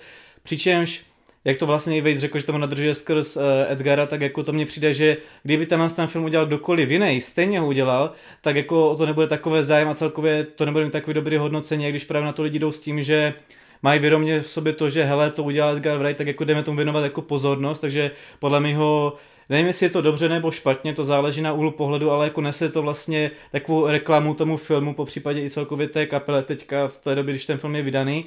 Přičemž jako úhlu pohledu jako to, eh, té kapely, tak jako je to o, o, strašně pozoruhodný, že vyloženě tak dlouho fungovali a ten film je doslova průřez celé jejich kariéry, tam je to fakt album po albu, je to rok po roku, já jsem si vyloženě vždycky očítal, tak dobré, už jsme v tomhle tom roku, jako, už, jako v průběhu toho filmu jsem měl takový pocit toho, že už je takový lehce zdlouhavý, protože vyloženě, tam to je jak, jak kdyby ti někdo povídal dokument, že to vyloženě sleduješ lidi, kteří ti povídají o sobě. A je to takový jako, už jsem si říkal, ty už je toho fakt hodně, protože oni těch albů dělali snad 21, nebo vím, že to takřka bylo vlastně napříč všema těmi lety, že co tři roky třeba vydávali nějaký album. Je to hodně prostřižený právě takovým těma, jak vy řekl, různýma těma animačkama, různými takovými vtipkami, jakože to je, jako jsou takový vtipy, to určitě to není prostě jenom, že bychom seděli, tak vám budeme povídat, ale ne každému to podle mě sedne a že to takový jako, nevím, nevím, třeba tebe, Kubo, jakožto člověka, který hudbě tolik nevěnuje pozornost, tak si nejsem úplně jistý, jako jestli se u toho vydržíš bavit fakt jako celou dobu, ne jak je to dlouhý, ale jako jo. není to nic jako krátkého, má to nějak dvě hoďky, ne, myslím, nebo tak nějak možná trošku víc. Dvě a půl myslím, ale přesně souhlasím s tebou, že pokud neposloucháš tuhle tu hudbu, pokud nějak prostě tě nezajímají 80. léta, pokud tohle tě úplně míjí, tak tohle je jako kdyby Edgar Wright dělal školní prezentaci o svý nejoblíbenější kapele. Ta prezentace je zajímavá, je vtipná, dozvíš se jako fascinující příběh vlastně ale je to, je to hodně dlouhý a pokud tomu nechceš věnovat tu pozornost, tak tě to úplně mine, pravděpodobně. Jo, musíš na to být dobře naladěný a musíš být ten člověk, který mu to sedne, protože ta kapela samotná je jako fakt unikátní a můžu říct, že oni mají jednu jednu písničku o padajícím toustu ze stolu, který dostane vlastní vědomí a chce si zavolat přes Alexu záchranku, jo. Tak prostě takovýhle, takovýhle písničky tam dělají, no. Hoši, hoši, vy, vy mě vůbec neberete vážně, když říkám, že mě Wade přesvědčila, se na to podívám, tak se na to prostě podívám. OK. Takhle důležitý je ten člověk. Takže Adis mě nezničíš. Uh, jinak já mám hudbu rád, akorát jdu prostě jako aktivně neposlouchám, ale kdy, když jsou nějaké dokumenty o hudebních kapelách, kterým třeba já nerozumím, tak vůbec s tím nemám problém, jo, že naopak se rád dozvídám hmm. o různých věcech, to je stejný ze sportovního hlediska, jo, takže nemám vůbec s tím problém. Takže nějaký dvě hodiny mě jo, určitě a rád nezabijí. bych řekl, jo, rád bych řekl, že teďka Sparks právě zažívají takovou jejich podle mě největší éru, protože právě o nich byl dokument a ještě dělají ten muzikál Anet, který vyloženě oni napsali a skládali k ním hudbu, takže se na něj chystám a taky jako neviděl jsem ho, ale určitě si myslím, že to bude stát za to. Takže kdyby někdo ještě váhal nad tím, nad čím jít do kina, tak určitě bych se na to Takže podíval. 50 let tvrdé práce konečně prorazili. Počkej, Anet, Anet je ten film, jak tam hraje ten... S Adamem Driverem. Ano, jo. Jo, to je ono, jo. Aha, jo. nice. To, to, je ono, no. To, to je, je taky film, oni který mě mají hrozně rádi filmy a právě se vždycky snažili s někým natočit film a teďka se jim to podařilo po těch 50 letech, takže... Pecka. Tak já za 50 let taky snad budu mít muzikál. Geekes muzikál. tak. Třeba. Marťas, eh, dlouho si nehovořil, nabízím ti reminiscenci nebo Ricka Mortyho? OK, tak, uh, tak asi ještě reminiscence, což můžu, zapojit ostatní. Dobře. To dobře. tady vidělo víc lidí. Dobře. Uh, co tam o tom říct, jo?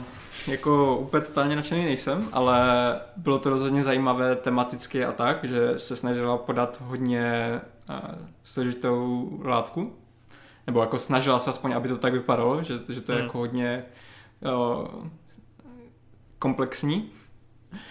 Je to teda od uh, tvůr, uh, spolutvůrkyně Westworldu, Lizzie Joy, což jde jako hodně poznat, že ona je z toho Nolanovského okolí, protože spolupracuje s, s Jonathanem Datem Westworldu a, a tak, a takže jako je to takové hodně ambiciozní sci-fi, které v podstatě si vezme uh, nějak, nějakou technologii jako středobod svého vesmíru, jako toho, jak funguje ten film.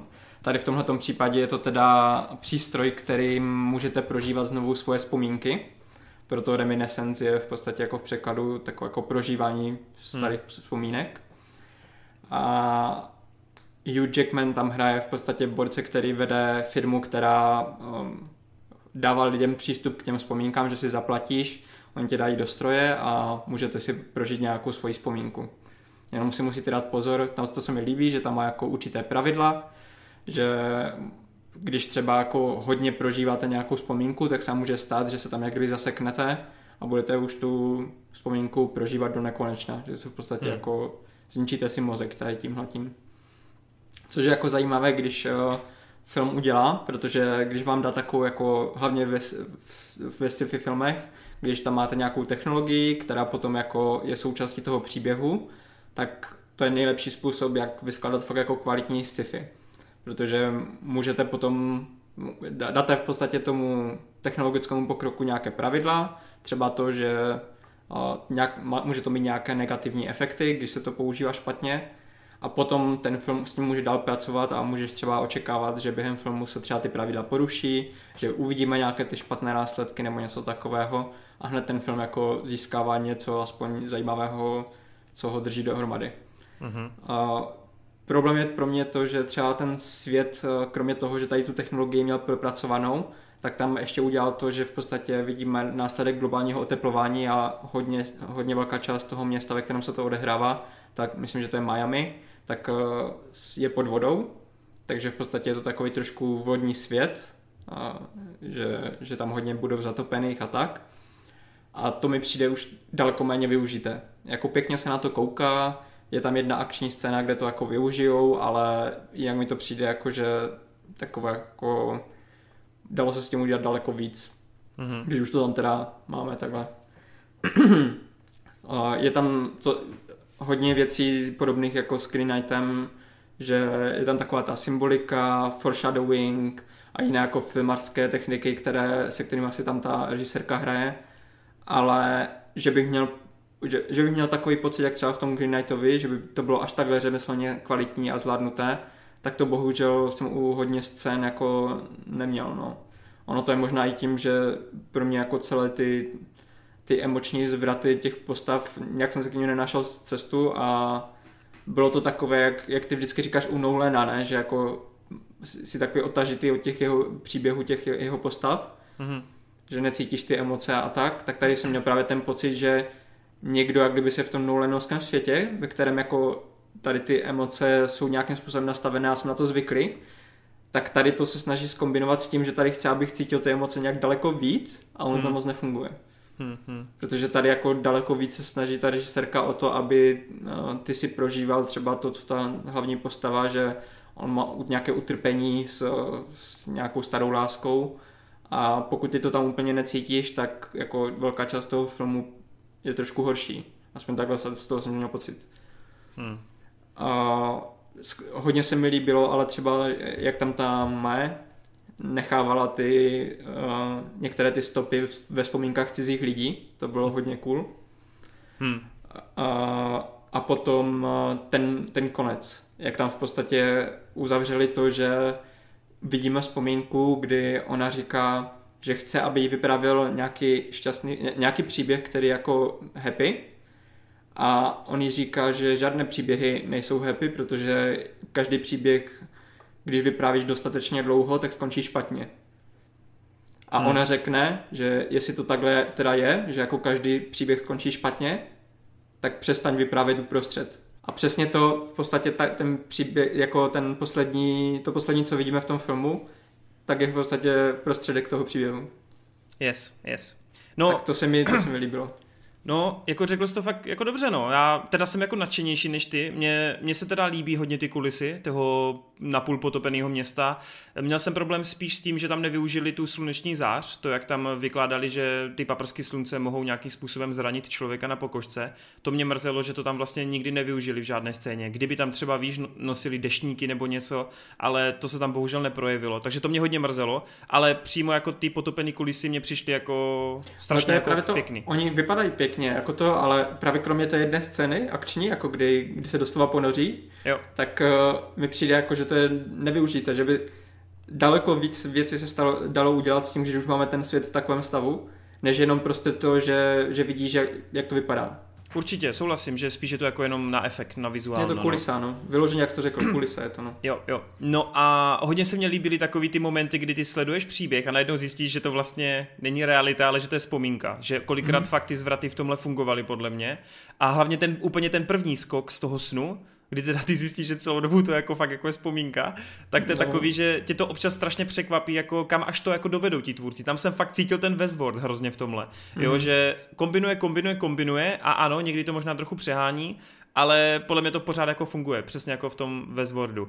S těou chladností těch postav taky souhlasím, že se tady jako snažila na ty emoce hrát, ale u mě, speciálně u právě momentu, kdy ty zjistíš, co postava Rebecca Ferguson ve skutečnosti udělala v jednu kruciální chvíli, tak tam pro mě jako fakt ty emoce seply poprvé za celý ten film a je tam ta scéna s tou lodí, s tou hudbou a na mě to fakt strašně zafungovalo v té chvíli. Hodinu a půl jsem v tom vlastně nebyl emocionálně nějak zainteresovaný a najednou prostě loop a něco ve mně se jako změnilo a asi ta gradace té scény, té hudby, toho odhalení ve mně prostě najednou vyvolala pocit, že mi vlastně je to strašně jako líto, to, co se tam jako děje, jo. Takže na mě to prostě zafungovalo tady v, v tomhle hledisku a o to víc i ten konec, který měl podle mě docela jako koule končit tak, jak končil, jo? že málo kdy to takhle vidíme, obzvlášť teda u těch sci-fi bývá většinou ten ponurejší konec jako z pravidla, ale tady jsem si myslel, že to půjde prostě jinou cestou a byl jsem rád, že ne. Je to možná blbý argument, ale podle mě jsem letos neviděl víc, uh, jak to říct, Uh, neviděl jsem podle mě tak dravou a tak strašně dobře nasnímanou sexuální scénu jako tady.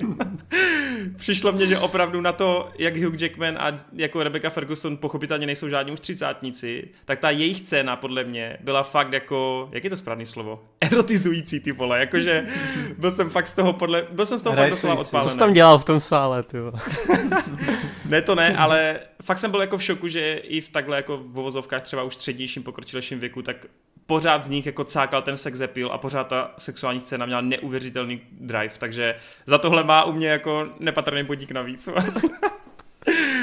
Eh, Rebecca Ferguson je tu mimochodem jako strašně jako skvělá, ta, ta fakt jako úžasná. Uh, musím souhlasit i s tím, že vlastně Uh, mě jakoby bavila samotná ta myšlenka toho prvku, toho sci-fi, kdy se vracíš přesně do těch vzpomínek, že má to nějaký ty svoje zákony. Já jsem si teď vyhledával, jak se tomu přesně říká, tomu principu uh, vypravěčskému, ta Čechovová zbraň, kdy ty si, že jo, musíš na začátku něco představíš, něco jako uh, týzneš, jak ty říkáš, ten foreshadowing, a pak teda jako skutečně to využiješ, ty prvky, jo, což je hrozně super, že se k tomu obloukem vrací, což bych ale od jako tvůrkyně, spolutvůrkyně ve Zvordu asi očekával. Přesto jsem rád, že na to nezapomněla a že spousta těch scén vlastně dává smysl. Mně se líbí, že ten film je fakt jako promyšlený. Jo, že to není, jako jak ty říkáš, třeba jasně ono to končí v půlce, ale příběhově, zatímco ale ty jako divák seš naplněn, protože ten příběh je vyprávěn od A do Z a funguje prostě fakt v tomhle ohledu úplně perfektně jako jeden celek. Takže na mě to zapůsobilo hodně, nečekal jsem, že až tak moc se mi to bude líbit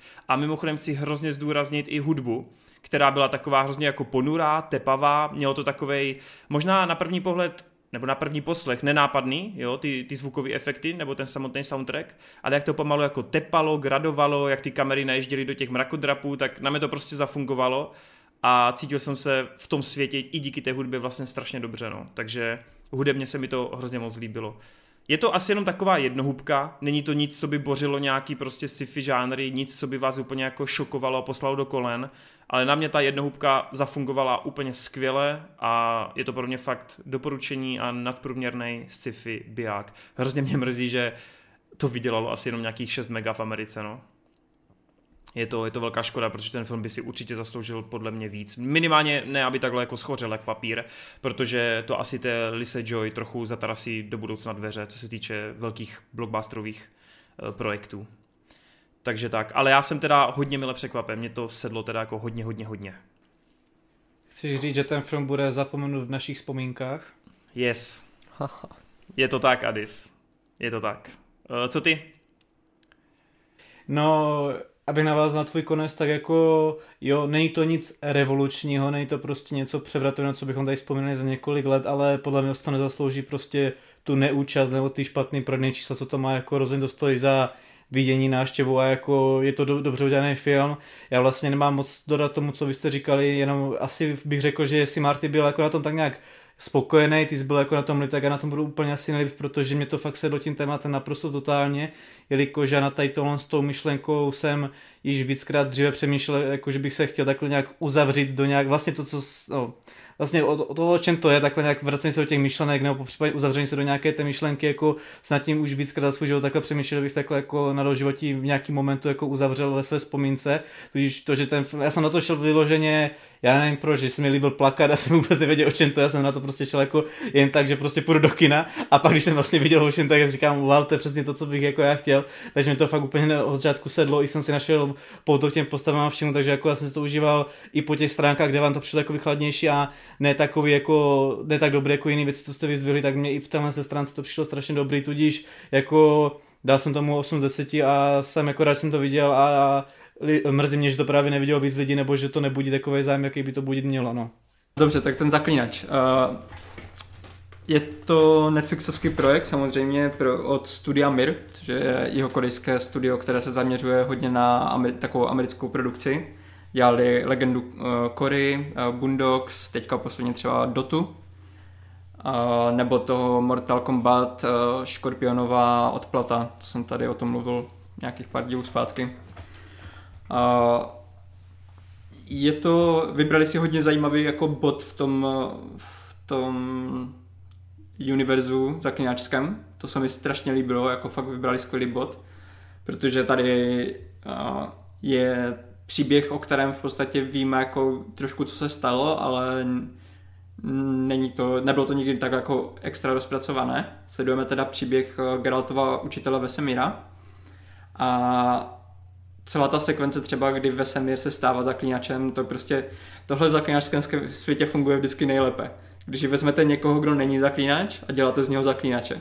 Tohle hmm. prostě ta, ta struktura toho, jak jako trénuje a tak, když tady není jako moc dlouhá ta, ta sekvence, tak je strašně super. To je prostě pro mě vždycky to nejlepší, co, co můžu udělat v zaklínačském světě.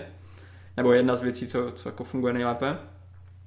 A je trošku potom škoda, že v některých momentech, hlavně od, od půlky filmu, tam začnou hodně uh, fungovat takové ty hollywoodské kliše, nebo, nebo hodně. Některé věci jsou takové jako trošku hollywoodské kliše, jinde zase jsem cítil takovou tu azijskou až jako anime crazy věci, jakože hlavně s těma mutantama. Což jako někdo může říct, zaklínačský svět je plný mutantů nebo tak, ale Azíci dělají mutanty trochu jinak a úplně to není ten styl, jakým píše Sapkovský nebo jakým, jakým to bylo v těch hrách nebo tak. Neříkám, že to bylo úplně jako, že by mě to vytrhlo jako z toho, z toho děje nebo tak, protože jsem si to užíval, ale trošku tam potom podle mě nefunguje trošku ta motivace na konci, kdy oni v podstatě zmanipulují obyčejné lidi, aby bojovali proti monstrum v podobě zaklínačů a už jim vůbec nevadí, že bojují po boku skutečných monster. Jakože fakt jako reálně tam vedle nich běhají monstra a oni jako jdou do boje a říkají si a my zabijeme ty monstra. Tohle by se jako v Sapkovského světě asi úplně nestalo. Hmm, Pokud hmm. by tam vyloženě nebyla nějaká čarodíka, která by na ně seslala jako spell, což myslím tam nikdy nějak jako tak nebylo podané. Já jsem, já jsem tohle jako... mimochodem taky řešil právě, když, jsme, když jsem to viděl. Já jsem to viděl teď asi den nebo dva dozadu, takže to mám docela čerstvý a tohle si tam nevybavuju. Myslím, že vyloženě jako přisvědčila bez kouzel, no. Že no bylo... právě. Ale jako, že tohle byl třeba jenom tohle byl úplně jako jediný moment, kdy mě to fakt úplně, jako jsem si řekl, ty vole, tohle by se nestalo, jako, mm, tohle, mm. Není, tohle není zaklínačský vesmír. Ale jinak jako většinu věcí trefili jako super, že třeba mm, jako podali ty, ty, ty, věci tak, jak by se asi měly stát v tom pořadí, víš co, že z vesmíra se stane něco, potom mm. tam je ten útok a, a tak, tak jako líbilo se mi, že jsme aspoň, že to funguje jako takové to skvělé rozšíření toho vesmíru pro člověka třeba, co úplně nezná ten vesmír zatím, že se podívá na tohle a, a ví, co se stalo. Co, jo, co jo. předcházelo té Geraltově části té legendy v podstatě. No a, a to je asi tak víceméně všechno, jako nebudu to asi úplně rozebírat, jako ta grafika, jako animace a tak, super, Uh, líbí se mi, že pořád jako je to uh, R-rated, že jako zaklínačský svět by se nemohl nějak obejít bez té surovosti a tak. Ale trošku tam chybí ještě ten um, taková ta civilnost v tom světě, že je to fakt jako hodně, hodně se to soustředí jenom na, ten, na tu vesmírovou cestu, no. Ale celkově jsem byl docela nadšený, takže nějakých třeba 75-80% bych tomu dal klidně. Jo, jo, jo. No, tak to jsou rád, že se líbil. Já jsem byl taky spokojený. Spíš jsem se jako udivoval nad tím, jak zase, já nevím, asi lidi poprvé v životě vidí nějaký animák erkovej a viděl jsem spoustu komentářů typu, ty jo, jako v prvních deseti minutách jsem byl úplně v šoku, jako t- ono je to jako animovaný o Vesemirovi, ale Ježíš Maria, tam bylo, tam byly fakt jako brutální scény. Říkám, pane bože, co sledujete celý svůj život? Ty už by měli jako o zaklinačovi vědět, ne? Teď ani, ani ten seriál se nedrží zpátky. Ne, jako několikrát fakt ta lidská jako, no to je jedno, nebudu zlej, nebudu elitář. Eh, každopádně já jsem byl hodně, hodně spokojený. Musím se přiznat, že já nemám nadrcený ty zaklinačské hry, takže úplně toho Vesemira z těch her neznám, ale mám načtený ty knížky, všechny vlastně, kromě té poslední bouřkové sezóny, té povídkové. A upřímně si nepamatuju, že by, nebo takhle, Vesemira jsem si vždycky představoval trošičku jinak, ne vzhledově, ale i povahou. A přišlo mi, že tady se hrozně snaží jako ho udělat Uh, trošku jako větším a kůlovějším týpkem, než ve skutečnosti by měl být, podle mě. Jako, že ho tak právě trochu jako no je víc takovým jako typickým hrdinou z Ameriky, mně přišlo, jo. Že Je, hláškule je, určitě. není tak jako, nemá ten suchý humor tolik, ale že se fakt snaží být prostě cool. Neříkám, že to je špatně, že by mě to ten charakter nějak kazilo, to vůbec. Naopak jsem dost zvědav, jak si právě, jelikož je to kánon, jak si s tímhle poradí v té druhé sérii Zaklínače, kde on už samozřejmě bude mnohem starším, vyzrálejším, tak jsem zvědav, jestli tam jako bude dochován něco z tohoto. Ono právě to funguje. To je, to je právě to, že to dobře jako vybrali, že uh, i když tady z něho chtěli udělat trošku jako třeba sobečtějšího, akčnějšího hrdinu, tak uh, to vůbec nevadí, protože to udělali v době, kdy my víme jenom hodně málo z toho, co se stalo, i jako v hrách nebo tak. Uh, v podstatě v hrách vidíš taky Vesemir jako úplně starce. Tam prostě Ano, jenom ano. sedí na Kaer Morhenu a trénuje eh, nové zaklínače. Ale pořád je to Svegr. Ale pořád jako on je právě ten jako ten stařešina, víš co? On je ten, ten nejstarší na Kaer Morhenu, který to tam v podstatě vede, víš co? Hmm.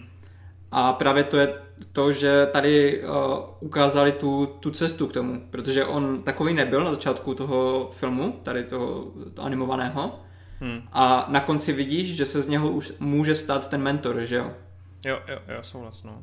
A když si mluvil o tom, že jako, že trošku si byl překvapený z toho, jak, je, jako, jak, jak vypadá a tak, tak tam jsem měl největší šok jako z Geralta, co udělali. To, to jsem vůbec nečekal. No oni to, oni to udělali schválně, aby ho na první pohled nepoznal. No, že já si myslím, no, že kdyby právě udělali nějaké ty jeho rysy, tak by okamžitě všichni věděli a, a to No nechtěli. on tam, on tam ze začátku je s těma světlýma vlasama, on tam mm. pokukuje a v té chvíli jsem si řekl, to je on a na konci, když to, tak říkám, ale to bude asi furt on, ne? a byl to trochu šok. Mimochodem, uh, souhlasím s tebou, že si říkal, že je hrozně super, jak vlastně se podíváš nejenom na zkoušku trav, ale i celkově na ty zkoušky zaklínačské. Ty byly fakt parádně udělaný. Doteďka si vlastně nepamatuju, že bych to takhle nějak i v těch knížkách nebo i v těch hrách či cinematicích nebo někde viděl takhle zpracovaný. Takže se mi to jako hodně líbilo. Bylo to brutální správně, bylo to takový úplně, jak se tomu říká, takový prostě bez šance na únik, bez šance na úspěch, jo. A to se mě hrozně líbilo. Takové jako to má být, no, právě. No. bezradný úplně, víš, jakože úplně si říkáš a teď jsou všichni totálně v prdeli. A to se mi na tom hrozně líbilo. Animace byla skvělá a hlavně v těch akčních sekvencích. Při těch dialogových tam šlo trochu vidět, že logicky se šetří, že mě úplně nepřišly některé třeba detaily nebo tak, ale velice milé mě překvapily dva body. A to je vlastně celkově příběh, protože já jsem čekal, že to bude taková ta jednohubka, která jako dobrý bonus, výplň, poznáme Vesemira, ale mě velice mile překvapilo, jak oni vlastně odůvodnili spoustu věcí, které potom jsou dál i v, tém, v tom současném zaklínačovi, jo? že ať už právě ten rozkol zaklínačů a těch jiných, ať už je to to, jakým způsobem se tam jako pracovalo v tom samotným Kaer Morhem, jaký tam byly ty tajemství, to, jak vlastně zaklínači uvažovali ti původní. Hrozně mě bavila i ta konfrontace právě, kdy Vesemir potkal někoho z té své minulosti. To byly hrozně pěkný a příjemný zvraty, který podle mě jako fakt vytvářeli vytvářeli ten příběh, nebo vytvářeli mě prostě jako taky ten pocit, že sleduju nejenom výplň, ale něco relativně důležitého pro ten A- svět. A to je právě jako velká síla tady tohohle nového, no, nově vznikajícího zaklinačského univerza, že pokud Netflixu a CD Projektu se podaří pořád takhle dobře spolupracovat, jakože uh, budou posunovat ty příběhy společně nějakým mm. způsobem, i když třeba děláš uh, nějaký prequel, který je jako hodně z dávných dob nebo tak, tak to můžeš nějakým způsobem právě provázat s tím světem, co vidíme v seriálu. Teďka se chystá i zaklínačská nová hra eh, od CD Projektu, kterou jako ještě dlouho neuvidíme, ale je tady prostě ta možnost toho, že všechny ty média se budou doplňovat a pokud to takhle bude, pokud to bude jako koherentní, tak to může fungovat jako úplně totálně parádně. Že, že v těch hrách můžeš uh, proskoumovat ten svět, který teďka v podstatě se pravidla ještě a tak vytváří v tom seriálu a, a v tom anime a tak dále. No mrzí mě, mrzí mě spousta takových těch jako OG fanoušků zaklínače, kteří si hrozně jako stěžují na ten Netflix a teď si ani stěžují na ten mm. animák a vlastně mě to za ně mrzí, že si to nemůžou užít tady tu novou mm. v uvozovkách verzi zaklínače. Vždycky, ať, ať už adaptuješ cokoliv, tak vždycky se najdou nějaký lidi, co prostě budou mít ten uh, původní materiál tak posvátný, že by chtěli jako každé hmm. písmenko, každou tečku prostě úplně stejně na tom plátně, ale to nikdy nejde. Nemůžeš prostě je to média tak. přenášet z her do, do filmu a z filmu do knížek a z knížek do filmu. To prostě vždycky tam bude něco jiného a tak a každý autor tam dá něco trošku jinak ze, své, ze sebe, ale jde jenom o to, aby to nebylo jako moc mimo, jak třeba jo, jo. Některé ty velké univerza dělají chybu v tom, že rozbíjí ty pravidla, porušují pravidla, dělají pořád nové a tak. Pokud prostě ten svět se buduje konzistentně, tak potom to bude fungovat jako dobře. No přijde mi, že Netflix si tohle všechno uvědomuje, že si fakt jako uvědomuje, že prostě tady se jim buduje ten univerz a budou si prostě fakt na to dávat pozor. Alespoň zatím jako z toho to tak jako ten pocit navozuju, no. Včetně toho nového prequelu, že jo, který bude přesně, jak říkáš, těch 1200 let v minulosti, no. Ten hranej. Uh, tak jo, takže jsem rád, že se taky líbilo. V závěru jenom dodám, že třeba i ta závěrečná bitka byla fantasticky naanimovaná. Tam, tam to bylo úplně neuvěřitelný. Mm-hmm. A třeba i ty sekvence z minulosti, kdy utíkal tou uličkou, tím městem a kdy ty vlastně sleduješ tu 3D postavu v tom 2D prostředí a jak ta kamera jako i když je to animace, tak jako one take prostě jako jde spolu s tou postavou.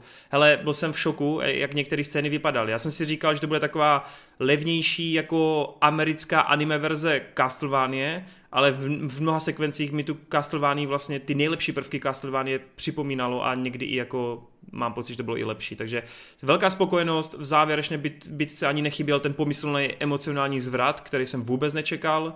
Přitom tam opět na něj byl nějaký teasing, takže spokojenost. Uh, kluci, s no. tou animací ještě, já jsem úplně nadšený tady z tohohle trendu, že prostě anime se stává takovým jako nástrojem i mainstreamu, že jako dostáváme v podstatě západní příběhy v anime podání Protože tohle je úplně jako splněný sen, víš co, když, když hmm. jsme koukali 15 let, 20 let zpátky na anime, tak to bylo prostě jenom, jenom japonské příběhy se takhle vyprávěly. Yes, yes. A, a tím, že se teďka jako ten třeba ten zaklínač se úplně perfektně hodí na to anime zpracování. Takže... On, tohle mimochodem super. úplně jsem viděl teď Vejda, jak se tam usmál, protože Vejt kdysi řekl, jsem že mluvil, no. anime je prostě next big thing, že jo. Ale to jako musel, myslím, to, že to bude po super to, to muselo vyhrát. To bude prostě... Každý, kdo má Ači, tak vidí, že to je prostě nej, nejzajímavější styl animace, na který jsme zatím přišli. Takže, ale jako, myslím, já o jako tom jako budu mluvit ještě v dotazech potom, takže... Jo, budeš o tom Ale super, mluvit. že jsi to řekl. Je super, že jsi okay. to řekl. Dobrý, tak jo. A mimochodem Vejde a Adis vás jako zaklínačský svět bere, nebere? Jak to máte? Uh, já jsem nečetl žádné knížky, nehrál jsem hry, vůbec jako jsem nic z toho světa vlastně neviděl. Mám kolem sebe spoustu lidí, kteří to žerou, takže hmm. dobře pro ně, ale já nemám na to čas asi, abych jako začínal nějak takhle obrovskou sérii. Ani ten seriál tě nezajímá, ta jedna série? Ten seriál mě zajímá, ale já si říkám, že slyšel jsem, že to nedává moc smysl bez těch knížek a že bych si to stejně potom chtěl přečíst a... Není jo, to tak úplně To bych neřekl, myslím, že, bych fakt Já myslím, že jako když tohle bude tvoje první, tvůj první zkušenost se zaklinačským světem, tak to vůbec nebude špatná zkušenost. Jo. Já okay. jsem přesně takový případ, že já vlastně, abych teda odpověděl Kubovi, do her se asi nepustím, ale stran knížek, teda v mém případě audioknih, právě jsem se díval, co u nás dostupný a v jakém je to pořadí, vlastně jsem se kluků tady ptal před nějakou dobou. Ještě jsem se do toho nepustil, ale určitě jako z toho hodlám naposlouchat, přičemž právě do toho seriálu, toho hraného, co byl rok až dva zpátky, tak jsem šel s tím, že vlastně neznám nic, jenom se na to podívám a jako, než, než jsem teda neznal ten svět, ale jsem já a já jsem to pochopil, takže jako určitě se nebaví toho, že by se nějak nechytal, nebo že by tam měl jako nějaký, jako je to koncipované tak trošku jako, že prostě to není tak jako, jak to říct, lineární a že v podstatě by to šlo jedno za druhým, že musíš jako trošku se nad tím zamyslet a podle mě to nejsiš, ty, ty nejsi ten případ, který by s tím měl problém, takže jako podle mě se normálně jako chytíš a bude všechno chápat, tudíž jako to bych se určitě neobával. Já se na to teda podívám, dobře. no, ať v prosinci můžeme probrat druhou sérii, víš co? tak mě jako láká na tom ten Kevin, já ho mám rád, takže asi kvůli němu bych to nějak překousl. Jasně, OK. Tak jo, tak uh, pojďme teď všichni překousnout uh, eh, 30-minutový monolog o Rickovi, Rickovi a Mortimu. Ne, já, to, já to zkrátím, já právě nechci spojovat dnes, teďka nic, protože ta poslední série nebo finále je ještě docela čerstvé Takže jako kdyby tady byl třeba někdo, komu bych to zkazil, nebo tak, to bych nechtěl vůbec. Třeba mě bys to zkazil. Mě taky.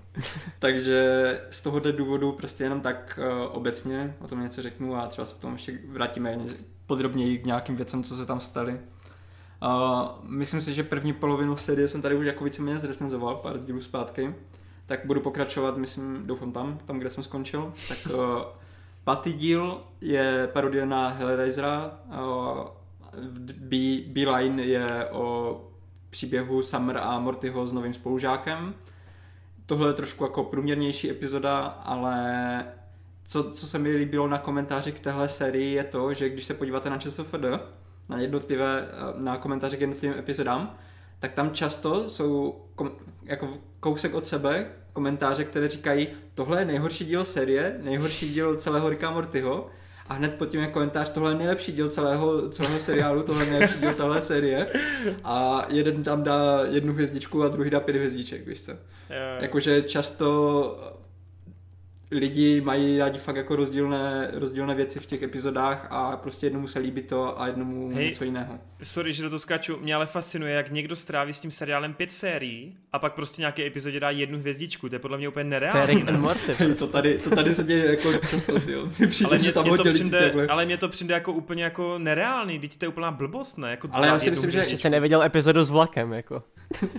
a já si myslím, že to je prostě tím, že lidi jsou hodně teďka naučení, že prostě všechno je buď totálně boží, nebo totálně odpad, víš co? Nik, Tě, jako mě to přijde ten, úplně zvrácený tady toho hodnocení. Ten neexistuje. Kubo, Kubo, ale Kubo ber, že ne každý je elita jako ty, takže ne každý prostě má takovou smýšlení Dobře, uznávám Adis, uznávám. No promiň, Dobrý. pokračuj. Tak uh, šestá epizoda je uh, epizoda s díků s děláním. Tahle mě neskutečně bavila. Já chápu třeba, proč eh, tady s touhle epizodou mají problémy čeští diváci, protože tohle je vyloženě americká epizoda, že jo, prostě hmm. my neznáme moc ty jejich zvyky a, a tak. Ale představte si, že, že by jsme dostali prostě český animovaný seriál, který by byl takhle odvážný, takhle cool a najednou bychom dostali díl na nějaký významný český svátek o tom, jak eh, čeští bojovníci s Žižkou vědou ven a zachrání tady celou, celou republiku tak v podstatě něco takového jako se stane na konci toho dílu. A celkově jako ta celá ta část, eh, co se tam děje s těma krocenama a s tím, že oni mají novodou tra- tradici prezidentskou, kdy prezident omilostňuje uh, pre- ty uh, krocany.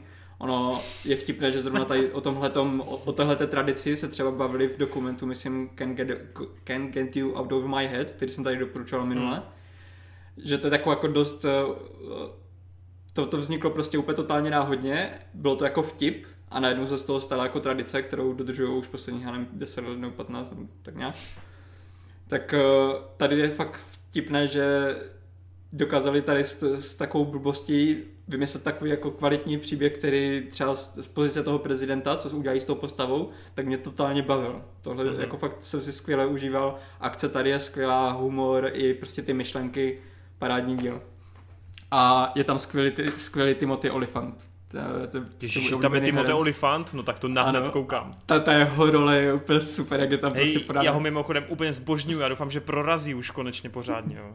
A tak on má kvalitní věci, on nepotřebuje jako být asi Ale on se, on se vždycky někde jenom objeví, víš co, na skok mm, a prostě vím, no. ani v Mandalorianovi třeba, víš co, že on je všude tak jako skvělej, ale mm. mám pocit, že jako neprávem je takový přehlížený hrozně, no. Hej, víš, co si s ním dej? Určitě jsi to neviděl. Uh, je, ty vole, jak se to jmenuje ten film? To je od režiséra čer, uh, Černočerné tmy.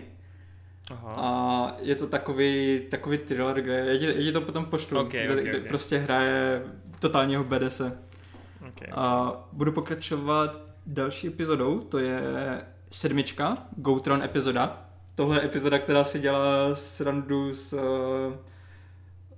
ze stražců vesmíru v podstatě a z takových jako anime, no. což mě jako totálně bavilo, protože to je prostě seriál mého mládí.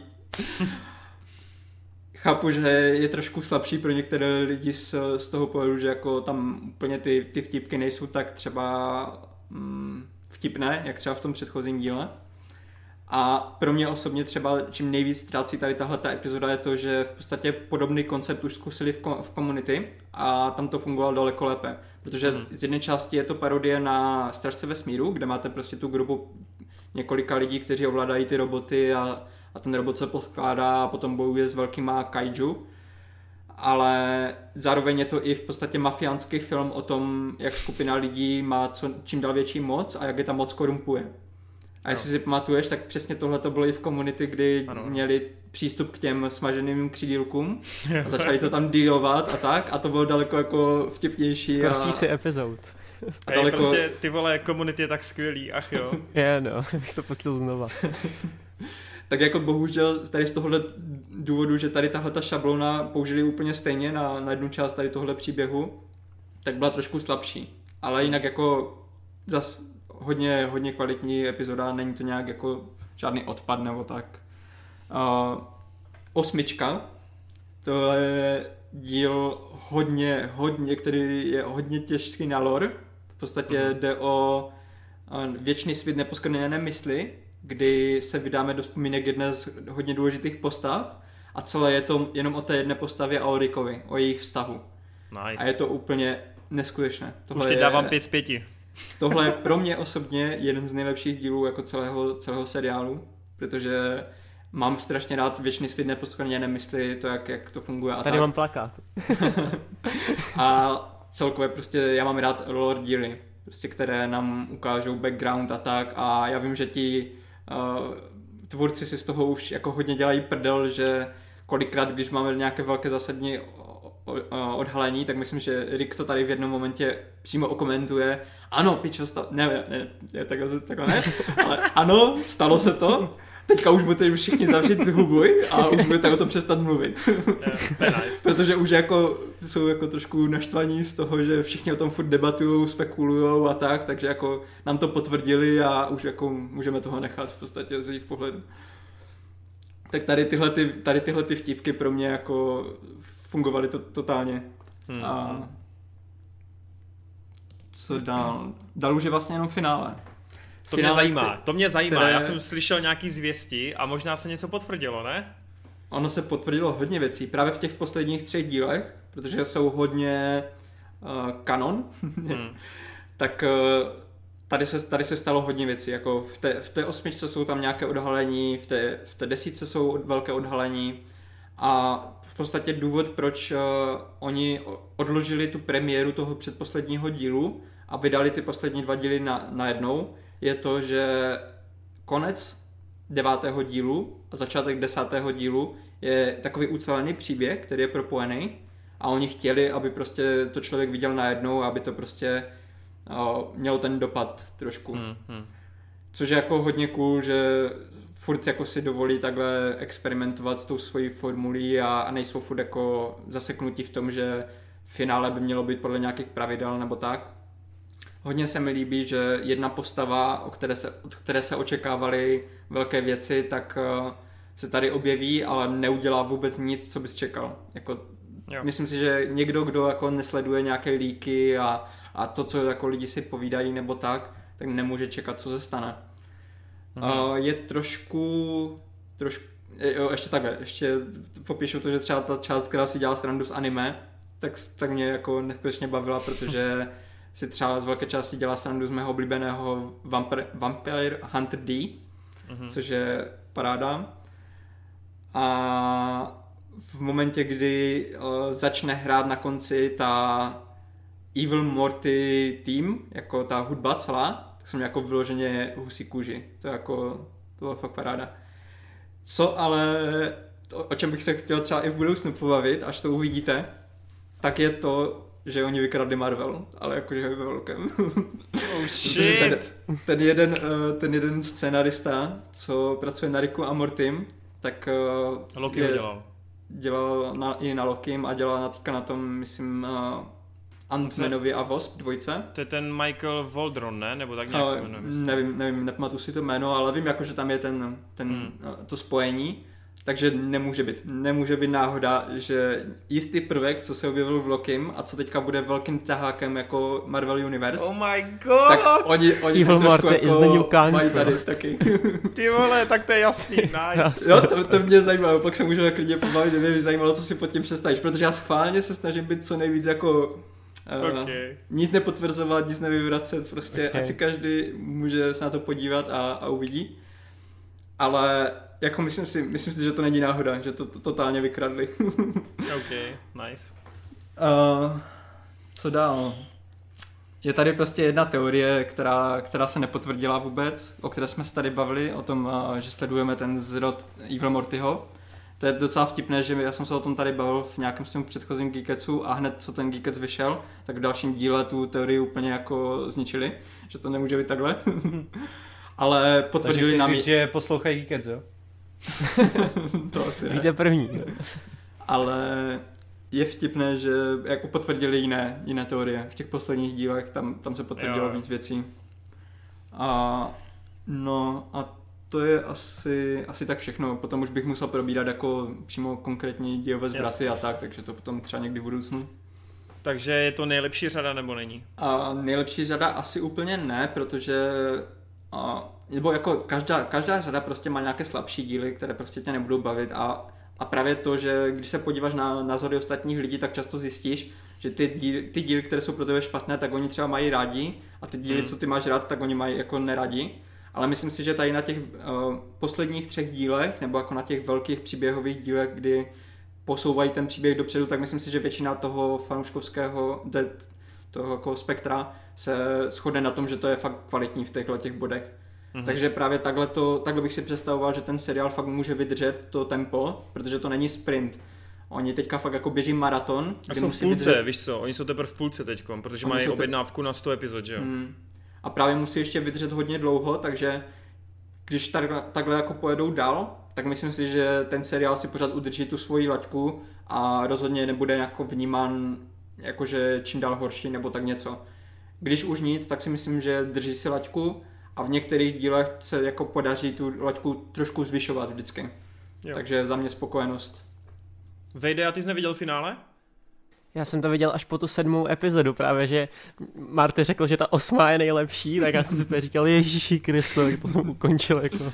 Ale teďka to máš to nejlepší, teďka jsi 8, 9, 10 Jo, a ty jo, jo. nejlepší epizody máš úplně ten konec. A... Nic horší, doženu Těším se, vás, doženu těším se. No tak jo, tak to jsem rád, že se líbí pořád a že to je pořád tak, tak skvělý a, a tím pádem máme všechno, ty po hodině a půl, to je docela slušný. A vrhneme se na dotazy, u kterých už rovnou dopředu říkám, že je dost pravděpodobný, že nebudeme číst úplně všechny, protože opravdu, ať ten Legíkec nemá 4,5 hodiny, ale moc děkujeme, protože my jsme minule měli takovou výzvu, ať píšete více dotazů a vy jste to splnili, vy jste nás opravdu úplně nahromadili jste na nás, fakt jako celou vlečku dotazů, takže moc si toho vážíme, děkujeme. Tak při něho si A- necháme něco do budoucna. Přesně, abyste nemuseli A se to jsme ten- tak... Ano? No, opravdu. Jenom jsem do toho chtěl skočit, že je hodně dotazů a to jsme tentokrát s Vejdem si nemuseli psat dotazy sami pro sebe. To se jo, nikdy nestalo. Tak. Takhle To se si pozná hodně jenom- otázek, jo? To dělá jenom Adis u svého podcastu. Tak. Uh, takže víš co, Vejde, máš to rozklikli, ty otázky? Ale mám, ale jako já mám takovou rýmu, že nevím, A, jestli ok. to chci úplně číst. Si. Tak uh, já to teda budu číst a budu to na vás přehazovat. Děkuji, Nekorek- děkuji. Nekorektní fanoušek filmu Štěpán Steins. Ahoj kucí, opět skvělý díkec, Vejt je super, mám tu menší rozstřel. Který komiksový film z alternativního univerza byste chtěli vidět nejvíc? Spider-Man 4, Konstantin 2 nebo Superman s Nicolasem Cagem? Já bych si dal toho Konstantina. Spider-Man 4. Já bych dal určitě jako Spidermana 4 jako number one, ale druhýho hnedka toho Konstantina pod tím. Ale Souhlasím. Spider-Man 4 jako, jestli by to bylo tak, jak to fakt měl naplánovaný ten Raimi, že by tam byla ta Sinister Six, tak to mě jako láká, no. A nejenom Sinister Six, ale u mě to hlavně táhne, že tam měl být Mysterio, takže já mám Mysterio jako jednoho, nevím No nejvíc jasně, no, a Bruce Campbell jako Mysterio, jednoho z, to je takže, jasný. takže skrz Mysteria určitě. Asi souhlasím s váma, první by byl ten Spider-Man, druhý bych měl Konstantina, ale jako zajímal by mě i ten Superman, to by bylo skvělý podle mě s Cagem. Tak, Breaking Bad nebo Better Call Saul? Neviděl jsem bohužel ten spin-off pořád, čekám, až to bude ukončený, takže logicky je jediná odpověď zatím Breaking Bad pro mě. Já, No, já já jsem já viděl- říkám tak, že si po několikáté, já se chystám na Better Call Saul, až to bude uzavřený, to si jdu prostě celý. Já zdravím mýho spolužáka Jakuba, který mě nutí do Breaking Bad, ještě jsem neviděl ani jedno, takže No, já jsem viděl, teda Better Call Saul tak asi jenom jednu nebo jednu a půl sérii, ale jako za mě Breaking Bad rozhodně. Jo, ok. Vejde nemá čas na seriály, co děláte tady? je pravda, že na seriály koukám fakt jako hodně málo, že jsem viděl Tak, málo. uh, hospoda nebo comeback? Pro mě určitě hospoda. Hospoda, no. Pro mě taky hospoda. Hospoda nějaký seriál, nebo co to je? Jo, no. Ty vole tak Adisy. já, já, já jsem comeback viděl asi fakt, na, ani nevím, jestli jsem nikdy viděl fakt celou epizodu, já jsem to vždycky viděl tak nějak náhodně, nějaký úryvky a hospodu vůbec neznám, takže já nemůžu soudit. Kdybyste mohli spravit osmou sérii Game of Thrones nebo devátou epizodu Star Wars, co by to bylo? Za mě Star Wars, protože oproti Gotku, tak uh, tam jakoby mohla být nějaká budoucnost dál, zatímco God beru tou devátou sérii jako, uh, osmou sérii jako uzavřený a tam prostě nějakým způsobem se na to už jako nebude asi pravděpodobně nějak navazovat, zatímco to Star Wars to prostě bohužel rozbilo teď, ty budoucí linky a úplně nevím, co bude dál, no. A celkově Star Wars, ta devátá epizoda tak nějak jako podrývá to, co bylo jako i předtím, jakože v podstatě to Game of Thrones do jistého bodu, ty, před, ty původní série jako fungují sami o sobě, ta devátá epizoda Star Wars ti tak trošku jako podrývá, co se dělo vlastně do posud v těch všech epizodách předtím, že jo. Hm? Já jako taky souhlasím, no. Asi taky spíš ten, ten Star Wars by si zasloužil sprav, spravit. Já jsem neviděl Game of Thrones, ale tak jako vím, v čem se zkazila ta osmá série, ale tam mi přijde, že aspoň asi to nedostaneme, ale jako možná dostaneme to knižní ještě rozpracování, zatímco ta devátá epizoda, to, to už prostě jako Hm. hmm. nikdy asi nic nebude, no, takže bych taky tu devátou epizodu, ale nemyslím si, že ta devátá epizoda je š- jako nutně špatná, já si myslím, že od osmičky se to začalo už jako kazit, že on už s tím ten J.J. Abrams jako um, asi nemohl úplně nic no, lepšího on by udělat. mohl, kdyby ho nechali pokračovat v tom, co udělal Jo, Ryan Johnson, přesně ale tak, studio ho nechtělo nechat, takže v podstatě byl v neřešitelné situaci, protože Jo. buď mohl vyhovět studiu a jít proti tomu, jak, ten, jak to bylo nastavené, kam ten svět spěje, anebo Hm. smůla. Nakonec to dopadlo tak, jak to dopadlo, no. Je to tak. uh, otázky na všechny. Jaký je podle vás overrated film? Za Štěpána je to Interstellar. Sorry, not sorry. Pro mě je to prostě Nolanová verze 2001 Vesmírná Odyssey. Tady je taky strašně vtipné, že tady je komentář, že uh, Interstellar overrated. A hned pod kousek, tím... Ano. kousek pod tím byl uh, jakože komentář ve stylu Interstellar je pro mě nejlepší film. Jo, jo, jo. To je vtipný, no. že prostě jsou subjektivní názory. No. Za mě třeba Bohemian Rhapsody je určitě Mám minimálně taky tam. v Česku přehodnocená. Jo, Tak tak to tam souhlas, no, že to je vlastně A mám docela tam ještě pelíšky, jakože je to fajn, ale je to prostě overrated tak sviň. A mám Goodwill, Goodwill Hunting. Jakože Robin Williams je tam skvělej, ale na to, že to je nějaký 30. Já jsem podle žebříčku, tak na to, že to je nějaký ten 30. možná nejlepší film na ČSFD, tak jako Hmm. OK. Tak já řeknu něco peprnýho, ať mě všichni zhejtí, tak já třeba řeknu, že overrated je první Blade Runner. Jdem dál. Ty krása, tak to jdi do... Se tady chce budovat hejty. Jo, no. Já jsem ta elita, nech mě. jo. Ty jsi to nepochopil, ten film vůbec. uh, to se nevylučuje, no. Tak. Uh, oblíbená Bond songa. Tyjo, to už tady bylo několikrát, no. no. Tak Skyfall. Skyfall, budu trapnej. Skyfall. A ta od nevím, Eilish není špatná. Já mám takový pocit, že Adis neslyší buď druhý, anebo vy neslyšíte Adise, protože Adis vždycky někomu vstupuje do řeči. Já slyším Adise. Já taky Adise tak. akorát ignoruju. Já myslím, že to není tak špatné. Ok, ok. Já jenom jestli tam nedochází k nějakému šumu tady. uh, Adis, co jsi říkal teda? Říkám, že já nemám žádnou preferenci konkrétně, nechci teďka zdržovat, že bych nad tím sáhodl, přemýšlel, že jdeme dál. OK. Eh, Na jakou sérii seriálu se nejvíc těšíte, asi co teď bude vycházet? Za Štěpána je to Walking Dead, 11. čtvrtá série Cobra Kai, šestá série Better Call Saul a Peaky Blinders. No, tak to je docela dobrý dotaz. Na jaký ze svých seriálů se teď těšíte nejvíc, co bude mít novou sérku? Já to mám úplně jasné. Počkej, teď jsem trochu šok. Rick a Morty.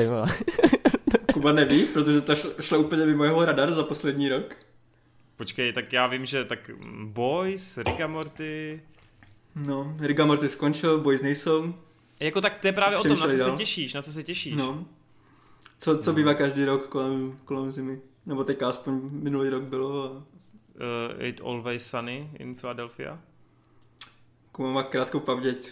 On vidí tolik věcí, že mu se to úplně vykoučilo z hlavy. A přitom já tady furt chválím to sci-fi a furt si říkám, že je A jo, underrated. expanze, expanze. A bude mít finální sérii, takže... Nebo jako aspoň prozatím finální. Ono to nemusí být nutně jako finální, jako že nikdy nic nedostaneme, ale na nějakou dobu to rozhodně finální bude. Ty, já jsem, já jsem normálně Takže- skončil v té třetí sérii, no. Jakože tu čtvrtou jsem ještě ani nezačal, kurde. Hmm. No, uh, co, co ostatní? Tak on tady píše tu čtvrtou sérii Cobra Kai, tak to mě docela zajímá. Peaky Blinders jsem lívnul ve čtvrtý sérii, protože to na mě bylo moc repetitivní, ale mám v plánu se k tomu vrátit s tou závěrečnou. A řeknu tady Paterčata, anime, a zajímá mě, koho si teda vybere nakonec. Adis? No já, já přemýšlím, mám jediný, High co School Musical, The je... Musical, The Series. Ne, ne, ne. Ne, ne, ne, ne, ne, ale jsi blízko. Druhá série iCarly Revival. Byla teď letos byla na díky Paramount Plus udělaná, vlastně obnovená takhle jakože po několika letech první série a prodloužili to na druhou sérii, tak se těším. A tak, asi Představte lepší. si, představte si, kdyby animovaný Fast and Furious udělal prostě crossover s High School Musical a jmenoval by se to Fast and Furious The Musical. The musical. Pět z pěti. Eh, Geniální film. Tak Cobra Kai mám taky velký hype, hodně se těším na nový Stranger Things, až budou. A hodně, No jo, hodně... Nový Stranger Things. No jo. Mě vypadlo. Tak oni jsou ještě daleko, tak chápu, že jste to vytěsnili. A teď se těším i docela na toho Hawkeye, no, tak uvidíme. Já teď asi s Ale to není nová série, to je jako, že bude kompletně začínat. Myslel jako, že seriál, co máš rozjetý a bude pokračování jako další série, že jo? Jasně, jasně, asi jo, no. No, tak asi ten Cobra Kai zůstávám a tak, no. My se u toho nechci moc tady teď zdržovat. Jdem dál. Uh, nedávno jsem dokoukal seriál Sopránovi, doporučuji. Viděli jste, těšíte se na prequel The Many Saints of Newark? Uh, neviděl jsem do teďka Sopránovi a je to pro mě velký rest, no. Já taky. Neviděl, Já takže se jsem nemohu tak- těšit. Ty vole, taky. aha. Tak to je rest pro všechny, nice. Takže bohužel. Uh, nejlepší zážitek v kině? Mm, za mě asi Dark Knight. Hmm. Dark protože Knight, to jo. byl takový ten film, kdy já jsem se ještě úplně nezajímal o filmy, jako do té doby, ale potom jsem si zašel na Dark- Dark Knighta a to mě jako fakt fascinovalo to, jak technicky jako brilantní to bylo. I když jsem se o to nezajímal, tak prostě jsem to tam viděl, jak je to prostě skvěle vykonstruované a tak a od té doby jsem fakt začal mít touhu jako zjišťovat, jak, jak filmy fungují a Tyjo, tak. já bych se hrozně chtěl vrátit do minulosti a znát Martina, který se nezajímal o filmy. Já jsem fakt jako do střední, pro mě film, já, já jsem vůbec jako filmy neřešil, to bylo víš co takové to, že v televizi něco hrálo, tak jsem u toho jako strávil třeba většinou nějakých těch seriálů, nějaké to odpoledne, ale jako že bych vyloženě prostě si říkal, jak něco funguje, nebo tak třeba měl jsem oblíbené filmy, měl jsem Ruský park a tak, že jo, ale prostě, že bych si říkal, a, jaká je pozice kamery, jak, jak je vykonstruovaný příběh a, a takové věci, prostě to mě nezajímalo tenkrát. Vlastně. Zatímco teďka, když se dívám na ty filmy a podívám se třeba na toho zeleného rytíře, tak já si užívám to prostě, jak tam dokáže si hrát s těma perspektivama, jak ta kamera pl, jako pluje tím prostorem a, a takové věci si užívám teďka. A myslím si, že právě Nolan byl ten, který jako ve mně probudil ten zájem a proto pro mě Nolanovky vždycky jako jsou jedny z těch nejlepších zážitků v kině. OK. Co ostatní? Mm, Jo, já tam mám... První... Jo, sorry, Ades. Jo, povídej, povídej, já se víc zamyslím. Jo, já mám Endgame, což je taková mainstreamová volba, ale prostě byl jsem na předpremiéře a tam fakt jako cítíš, jak ten sál hltá každou jako tu scénu, tak to mě bavilo.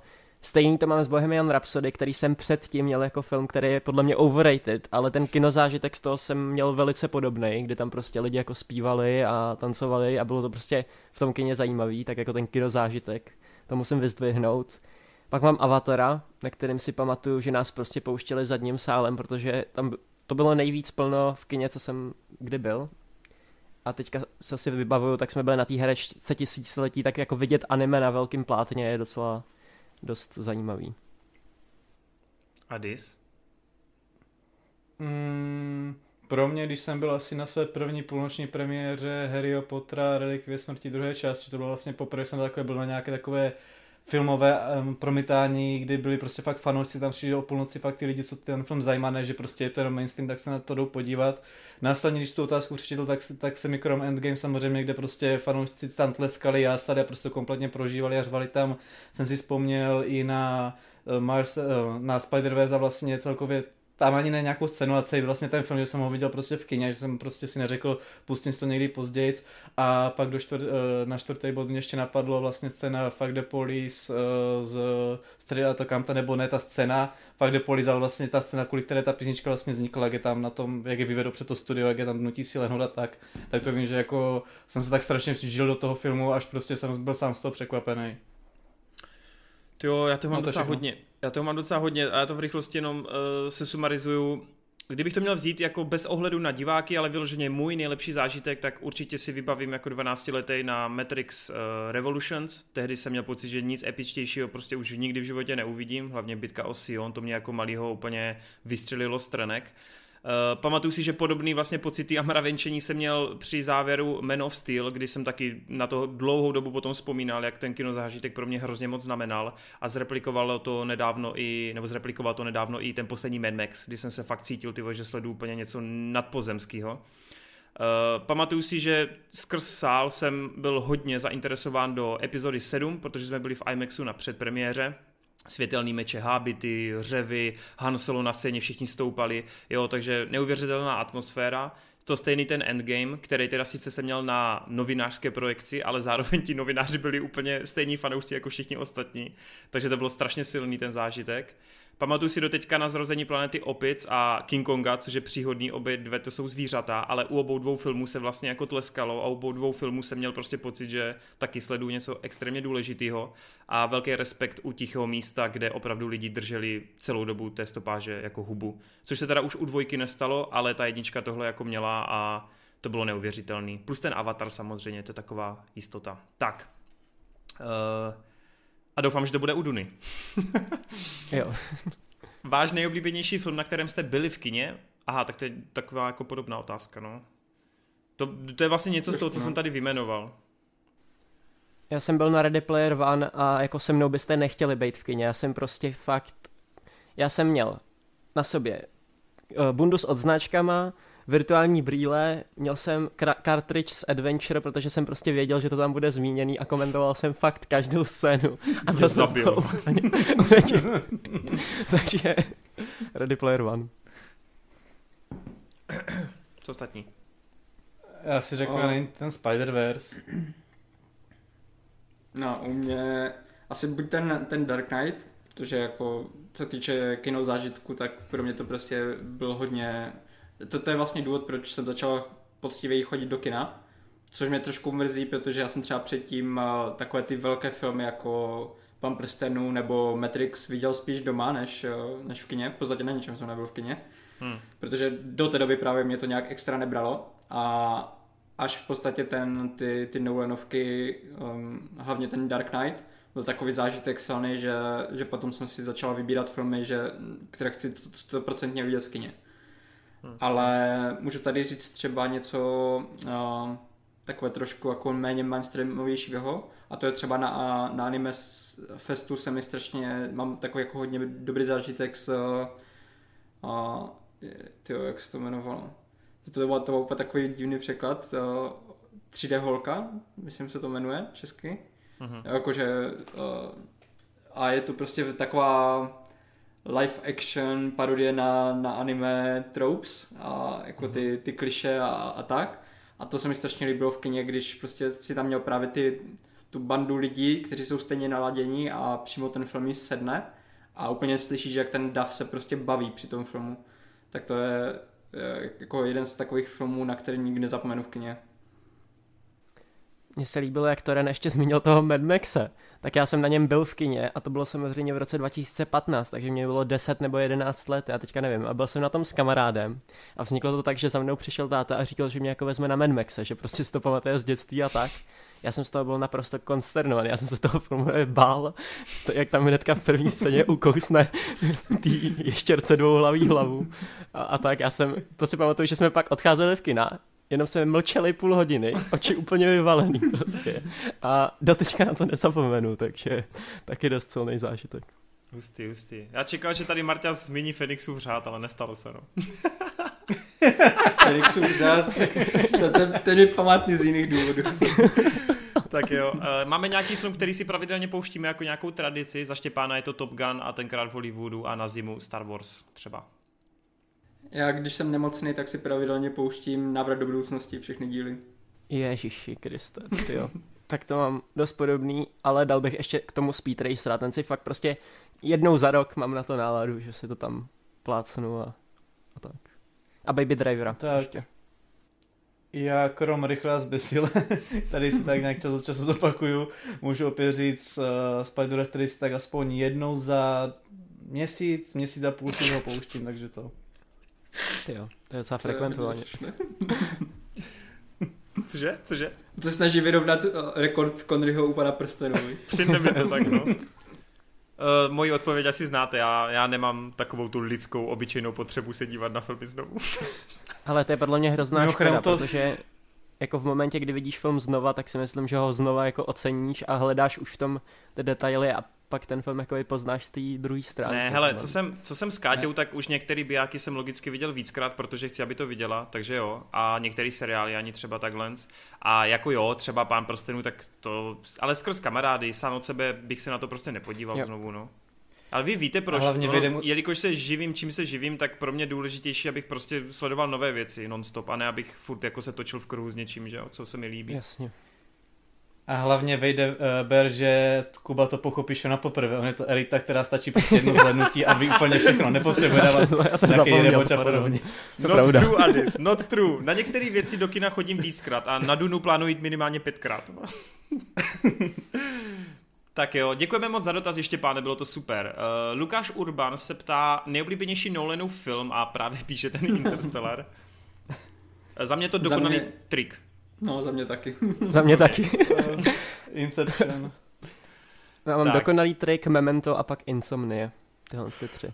Jo, ale já mám furt teda problém, že jsem neviděl ty první dva filmy, no, Nolanovi, takže... Insomnie je strašně super. Hrozně podhodnocená. Je, ten konec je dobrý, no. OK, tak jo. Tak díky moc, Lukáši. Uh, Juraj Kala se ptá, ty kokso, to je Wade. OMG.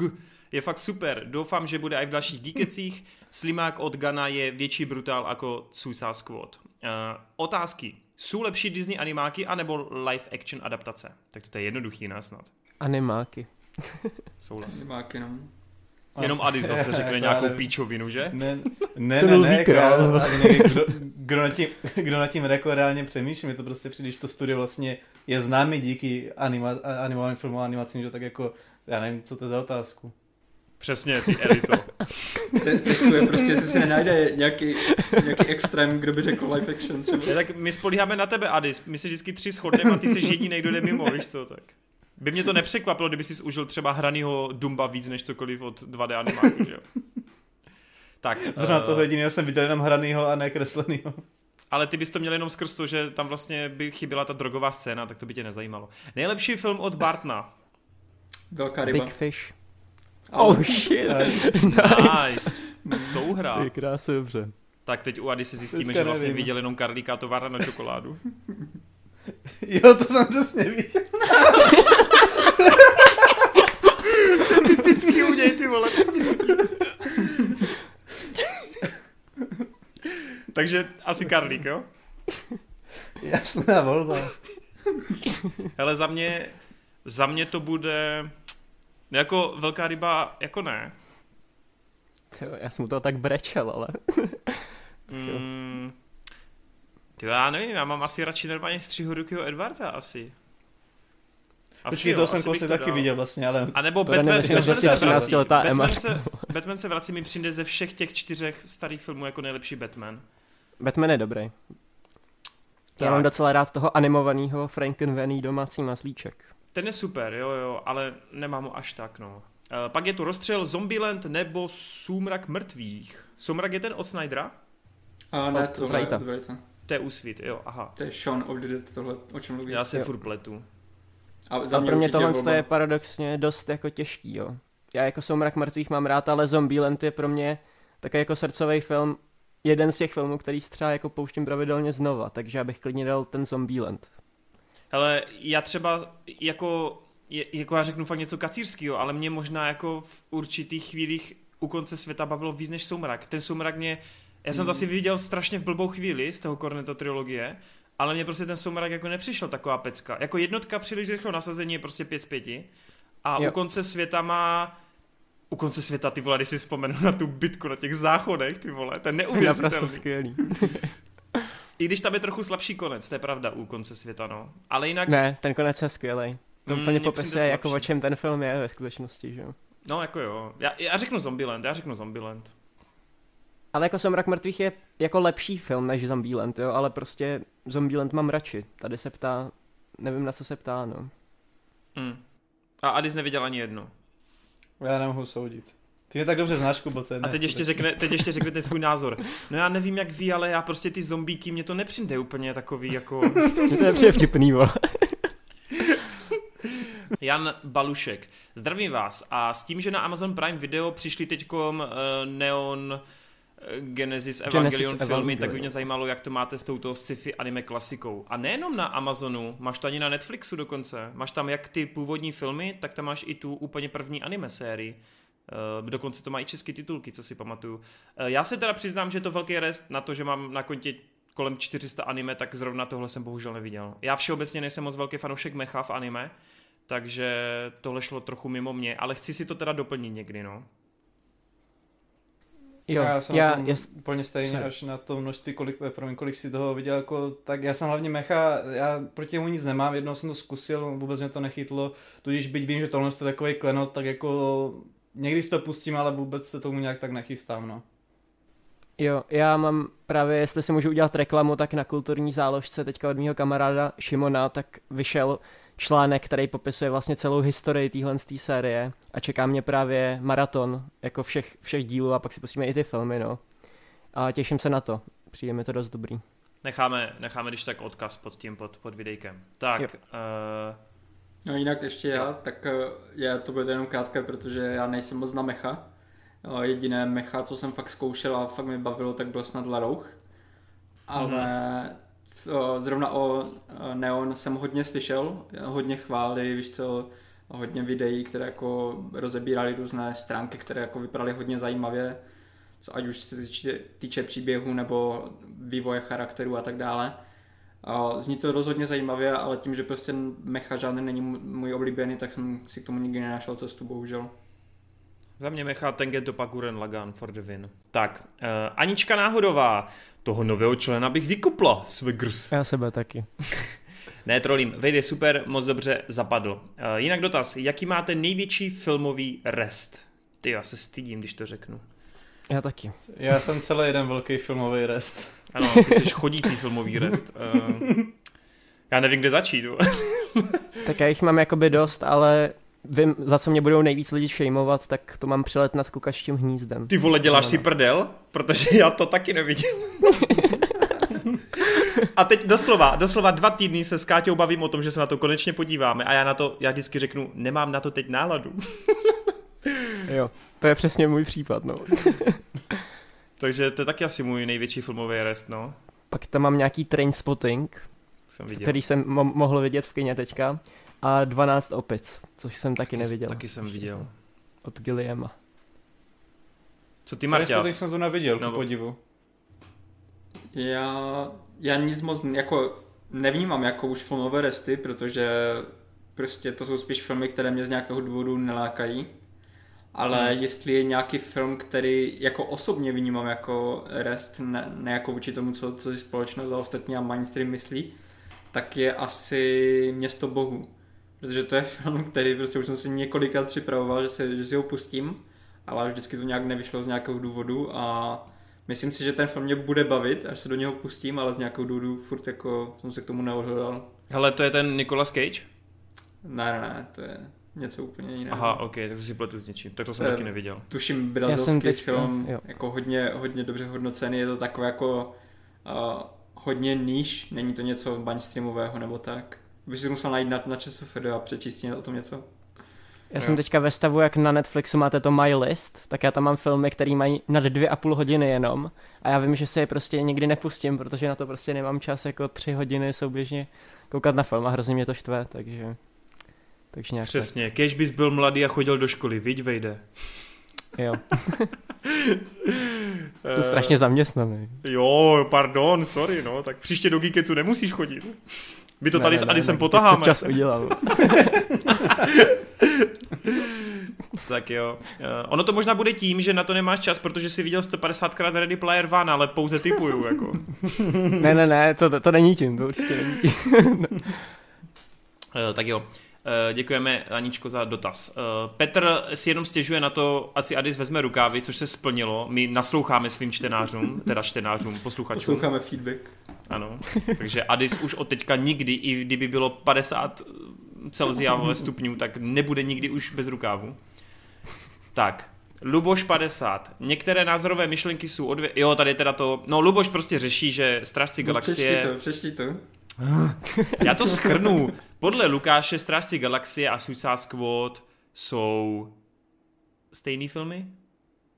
Ne, naopak. Ne, so, naopak. Ne, ne, nemají tam tolik podobných proprietí, jak ty protože, minule si říkal. Protože já jsem říkal, že Gun je v tomhle hodně podobný, jakože to téma rodiny, téma toho, že máš odpadlíky, kteří hledají tu rodinu a najdou tu rodinu v nějakém tom týmu.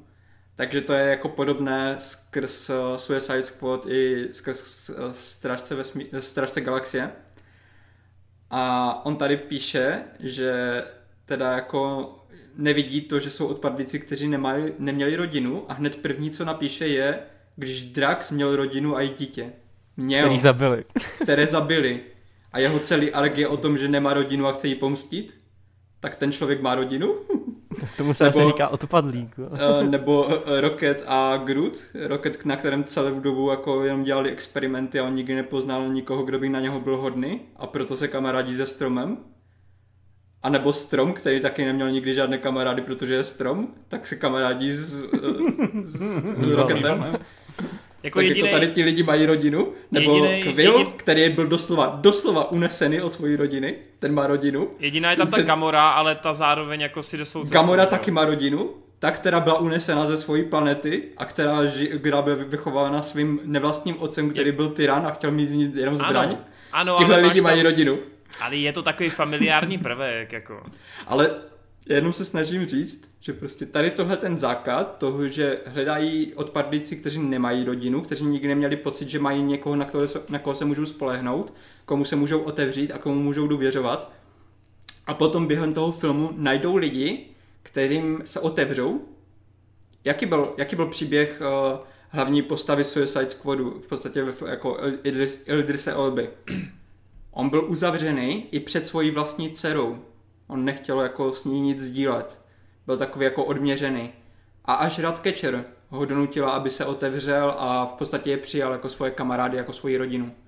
Ano. Je tohle stejný prvek, jako, jako jsou v prvních strážcích galaxie. Ano, podporujeme, podporujeme, podporujeme Martina Luboši, pleteš se, jsme elita. ne, to, to, to neříkám, jenom mě baví, jestli Luboš má pocit, že to tak není, prosím, ať mi napíše, jak, jako, jestli si myslíš, že fakt to, co jsem teďka tady řekl o Quillové rodině, Draxové rodině, Rocketové rodině, Gamořině rodině, jestli to není pravda, nebo to mě fakt zajímalo. Luboš nám už nikdy nenapíše. Neo, Nea nám píše další dotaz. Opět zdravím u dalšího Geeketsu. Děkuji moc za zodpovězené otázky, jinak oslovat mě můžete klidně nej. Budu se snažit. Jde vidět, že má vejít na koukáno, to jenom tak vypadá. A doufám, že se objeví i v dalších Geekecích. Uvidíme. Otázka pro něj. Jaké anime by zařadil do své top 5? Pojď vejde. Jo, je super, jak tady píše, že mám hrozně nakoukáno, ale anime je přesně věc, kterou já moc nakoukanou nemám a beru ji jenom čistě jako takový vedlejší projekt. Extrémně mě to teda baví a vidím v tom jako budoucnost. Dokonce potom o tom budu mluvit ještě dál, že v mých projektech se snažím, aby to vypadalo jako anime, protože prostě nějak se připravuju na to, co nastane. Ale teda, abych dal nějakou tu top 5 dohromady, tak jako první mám Full Metal Alchemist, My Hero Academy, to je taková jako klasika. Eh, pak mám Zahradu slov, pak jsem tam dal tu herečku tisíciletí a pak jsem se z toho vylhal a dal jsem tam Speed Racera od Vachovských, tu filmovou adaptaci, takže Pěkně. takhle. To s tím dokážu žít. Tak, uh, otázka, otázky a úkol pro všechny. Vymýšleli jste si někdy své vlastní příběhy? Pokud, ježíš, to bude zas pro Adise, zas hodinová távo. Pokud ano, Já jsem to zkuste zase si, četl, no. Pokud, pokud ano, zkuste si ji nyní zrecenzovat. Pokud znáte i příběhy ostatních zúčastněných členů Geeketsu, zkuste zrecenzovat i ty jejich. Ježíš, to je na celý téma hodinový. Jo, no.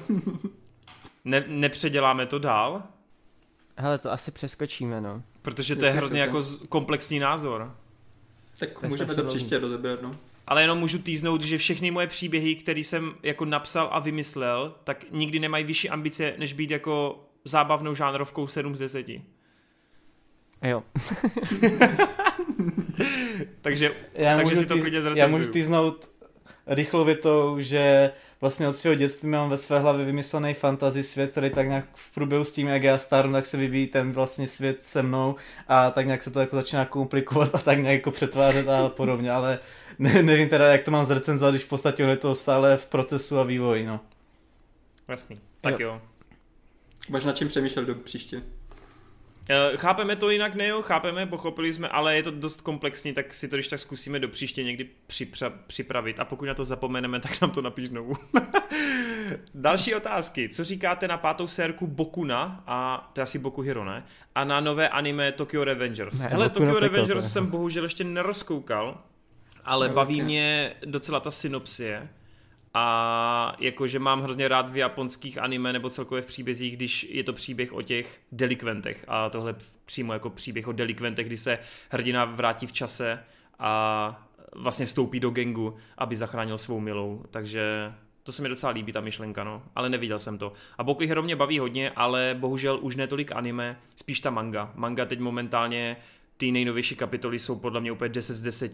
Nikdy Boku Hero nebylo na takovým vrcholu jako teď a jde strašně vidět, že se to blíží do finále a je to úplně kulervoucí. Fakt kulervoucí, obloukem se to vrací až úplně k prvním kapitolám, dokonce k první kapitole. A je to úplně neuvěřitelný, co ten Koei Horikoshi tam teď vymýšlí, plus ta dokonalá kresba, takže spokojenost. V anime jsem trochu zklamaný z té adaptace, ta pátá série, tam jde jako hodně znát, že v průběhu té čtvrté se vyměnil režisér hlavní a ta pátá teda zatím na to docela doplácí, protože to tempo se tam dost rolí, animace výjima jedné epizody je takřka jako průměrná, bych řekl, a o to víc mě to mrzí, protože teď poslední epizody jsou o padouších a tam by si to fakt zasloužilo nějaký kulervoucí animace, ale bohužel to tam zatím není, no. Ale jako pořád je to, pořád je to nadprůměrný. Já asi souhlasím s Torenem, co se týče té tý páté sérky. Ještě jsem teda viděl jenom tu první půlku, nevím, co bude s těma padouchama, ale je to takový mdlý, no. Oproti třeba první půlce čtvrtý série. Tak tady moc neřeknu taky, protože já jsem viděl myslím jenom první tři díly zatím, takže zatím moc ne, nemám jako názor na tu sérii jako celek. Mhm. A já jsem skončil, s, já nevím, jestli to byla čtvrtá série, prostě já jsem skončil tam, kde jsem skončil v Manze, kde jsem z nějakého důvodu prostě nepokračoval dál a to bylo, kdy bylo představená velká trojka, takže tam, kde končí anime s velkou trojkou, tam, kde začíná velká trojka, tak tam já jsem skončil za anime, což nevím, jestli No no, tak třetí nebo tím čtvrtá končí, série. tím končí, to je závěr třetí, třetí série, no, anime. Aha, tak, tak jsem vlastně dvě série pozadu, aha, tak to by měl dohnat. No, ale jako mrzí mě to, protože fakt to, co se tam teď děje v tom anime, by mělo být kulervoucí, ale ti animátoři to prostě nedělají kulervoucí, je to fakt škoda, no. Ale Shigaraki tam má teď docela hype. Já teďka Kuba tak nějak napadlo, když se takhle podíváš zpětně na celou tu, tu sérii Boku no Hero Academy jako stran mangy, tak je tam nějaký úsek, který ti přišel slabší, protože co já tě znám, tak vlastně ty to tady vlastně hypíš úplně od začátku a vždycky říkáš, že to přijde úplně v tom největším topu a že to prostě úplně na svým vrcholu a jako, ne, že bych tě chtěl jako han- hanobit, jako já věřím, že to fakt je tak strašně boží, ale že si za ty roky nepamatuju, že bys někdy řekl, no teďka to trošku klesá, mně přijde, že v podstatě ty celou dobu jako to máš jako fakt jenom jako tak jako nej, nej, nej, tak Jo, jestli jo, to jo. zpětně bys Tak- něčemu řekl, že, že už to, Ne, ne, ne, Adis, No. no. to ono to tak možná jenom působí, ale třeba když přišel v Manze kulturní festival, tak tam jsem říkal, že je to furt skvělý, je to boží, ale není to třeba tak dobrý jako ark předtím. Pak přišel zase Ah, jako úplně jasně. epický ark, který to zase povýšil a pak zase tam jsou jako třeba zkoušky studentů a ty jsou zase o něco slabší, ale v té Manze je to pořád jako strašně dobrý. Ale teď jako reálně Hmm. to je pravda, poslední tři arky, což už je takřka dva roky, co ta manga běží teď, poslední dva roky, což je Shigarakiho ark, což je válka a což je teď jakoby after po válce, tak tyhle tři arky jsou podle mě úplně jako vrchol Boku Hero. No. To podle mě překonává i ten útok na kemp, i turnaj v druhé sérii, překonává to Míria u mě, překonává to Endivra i Steina, takže fakt to překonává teď ty poslední tři arky úplně všechno u mě. Takže teď jo, teď to roste. Ukot. Tak, uh, dobrý, uh, děkujeme za dotaz teda, děkujeme za dotaz. Jinak ona si stěžuje na Bakugo, a což nechápu. Bakugo mně přijde, že v celém Hero Aka má největší progres, ale OK. Ale, ale mě upřímně taky jako štve tou povahou, ale jako chápu, co se s tou postavou snaží říct, takže to jsem ochotný to přijmout, ale kdyby ho potkal jakoby na ulici, nebo kdyby to byl můj spolužák, tak jako mi není sympatický. Tak ale to tak nemá být, že jo? jo, no jasně, právě, proto říkám, že to chápu, ale že chápu i že jí to tam vadí. To jo, jo, jo, on je, On je Bakugo totiž takový trošku elitář, proto má Kuba k němu tak blízko. A... Ale hovno! Já ti říkám, Dokonce má i stejný vlasy. V prvních kapitolách, v prvních kapitolách mě hrozně štvalo, že Bakugo je ten archetyp toho rivala, který vždycky ten shonenovský hrdina má. Ale naštěstí se tady z té škatulky vymanilo a jde si úplně jinou cestou než třeba Sasuke a další. A tohle mě na tom prostě hrozně baví, že ten Kouhei má načtený ty série před ním a logicky dělá jakoby ten vyšší stupeň a evolvuje ty shoneny. A tohle se mně líbí, že vždycky, když čekáš tu nějakou odbočku, tak on jde prostě na druhou stranu. Takže za tohle i respekt vzhledem k Bakugovi, což, jak říká Wade, není sympatická postava na první dobrou, ale dává mu pasáže a situace, který třeba oproti Saskemu, které je jenom cool, tak Bakugou dokáže i projevovat fakt jako výborné emoce a jako postava se vyvíjí, ale tím správným směrem a nemyslí jenom jako sobec v vozovkách na sebe. Takže to se mně páčilo. Uh, z Gagus. Co říkáte na původní trilogii Blada a co očekáváte od nového Blada? Dvojka Neviděl jsem původní trilogii Blada. Ajajaj. Máš špatný triky v dnešní viděl, době. Viděl. A co k tomu můžu říct, jako, to, já jsem to právě koukal v tom období, kdy jsem takový ten největší Mar- Marvel hype, takže jako ne MCU, ale vlastně celkově jako komiksy a superhrdinové, takže jako já jsem si, vím, že jedničku jsem si užil hodně, u dvojky, trojky se teďka nejsem úplně jistý, ale vím, že na to jako vzpomínám, že se mi to jako celé ta trilogie líbila, ale dlouho jsem si to nějak nepřipomněl nebo nepustil znovu, bez žádného důvodu, prostě jsem tak nějak jako se k tomu neměl. A jestli mám nějaké očekávání od něčeho nového, tak jako logicky to bude hodně jiný, ale podle mě to může jako jenom překvapit, že jo? Hmm. Co? Já, já hlavně třeba, chci... Jo, sorry. Já třeba uh, jednička a dvojka byly fakt uh, skvělé, když jsem je viděl poprvé, protože to bylo ještě v době, kdy jako žádné komiksové filmy nebyly nebo tak. Já jsem ani nevěděl, že to je podle komiksu, myslím, když jsem viděl jedničku. A pamatuju si, že třeba dvojka nějak eh, jsme dostali na, na vypaleném DVDčku od Betrance asi tak půl roku, tři čtvrtě roku předtím, než to bylo vůbec v kinech. Já si pamatuju, že ještě v době, kdy to vycházelo v kinech, tak to moje DVDčko, na kterém se to mělo vypálené, tak už prošlo tolika rukama, že bylo úplně totálně poškrabané a, a jako znehodnocené. Ale pamatuju si, že tenkrát jsme všichni z toho byli úplně jako nahypovaní. Že tenkrát jako to byl jeden z filmů, o kterém se mluvilo Eh, mezi všema mýma kamarády a i lidi prostě, co nesledovali filmy, tak, tak z toho byli úplně nahypovaní. Hlavně protože prostě takhle brutálních věcí, jak třeba ta krvavá diskotéka nebo tak, tak prostě nebylo až tak moc tenkrát. Hmm. I když jako samozřejmě byly bečkovější filmy, prostě ve kterých jako bylo tuny krve nebo tak, ale to se na, k nám extra nedostávalo a, a tohle byl prostě film, o kterém se tenkrát všude mluvilo. Takže na první dva díly mám skvělé vzpomínky. Ta trojka byla o dost slabší, no. Asi tak. A jo, na toho nového se celkem těším. Jo. jo, já jsem chtěl říct, Martě, že právě... celkem nějak... Ty vole, ten Adis a furt bude skákat mi do řeči. Ne, ne, že co očekáváte od toho nového, tak jako právě co jsem chtěl říct, takže doufám, že to bude ten erkový rating, že to nějak udělají, že tam budou nějaký ty dvě divize toho Marvelu a že už v té době, co to vyjde, tak se dočkáme nějaký trošku odvážnější adaptace. No. Na to jsem taky zvědavý, jestli se pustí do RK nebo ne, no, protože tam by to chybělo. Já jsem chtěl jenom říct, že Marťas má nějaký kontakty, tak bez tak už má Dunu a Matrix dávno v počítači a už jenom tak jako ví, o čem to jenom dělá. ten se z nás jenom dělá srandu, ten prostě Víš, jenom Adis, sleduje. Adis to bylo v době, kdy ty si ještě byl pořád jako, nebyl si na světě a neznal si High School Musical, víš, v té době ty filmy totiž nechodívaly v den premiéry úplně všude stejně, víš. A právě Marty to, to je ve bylo úplně skutečnosti jako mega Watcher. překvapení. Proto bylo mega překvapení, že se nám to dostalo takhle brzo. Jako to snad u žádného jiného filmu se mi nestalo, abych ho viděl takhle brzo jako doma, dřív než byl v kinech. Na té úžasné VHS kvalitě. Vole. No, tenkrát to byla DVD kvalita, takže to nebylo, A. tenkrát se ani ne, nebyl standard jako 720 nebo tak něco. Myslím si, že možná, jestli to mělo těch 480, tak, tak jsme byli rádi. A to bylo jako, tenkrát to byla DVD kvalita, to bylo super, jako nic jiného nemohlo Verbatin, dostat verbatin minus vypálené. Ale přesně takhle to bylo, no. Já vím, já jsem dělal business jednu dobu s DVDčkama. Tak, uh, a Blade 2 je top, protože Del Toro, ne, to je jasný. Mm. Tak, uh, Vincentová slunečnice, hezky pěkně, doufám, že bude víc dílů s Vejdem. Moje otázka, kdybyste mohli do konce života sledovat už jen jeden jediný seriál pořád dokola, který by to byl? Já rychle uh, dořeknu své. Vybíral bych ze tří, Ztracení, Shameless a Himim. Asi by to byl Shameless nebo Himim, protože jsou delší. Něco z toho. Já určitě Scraps.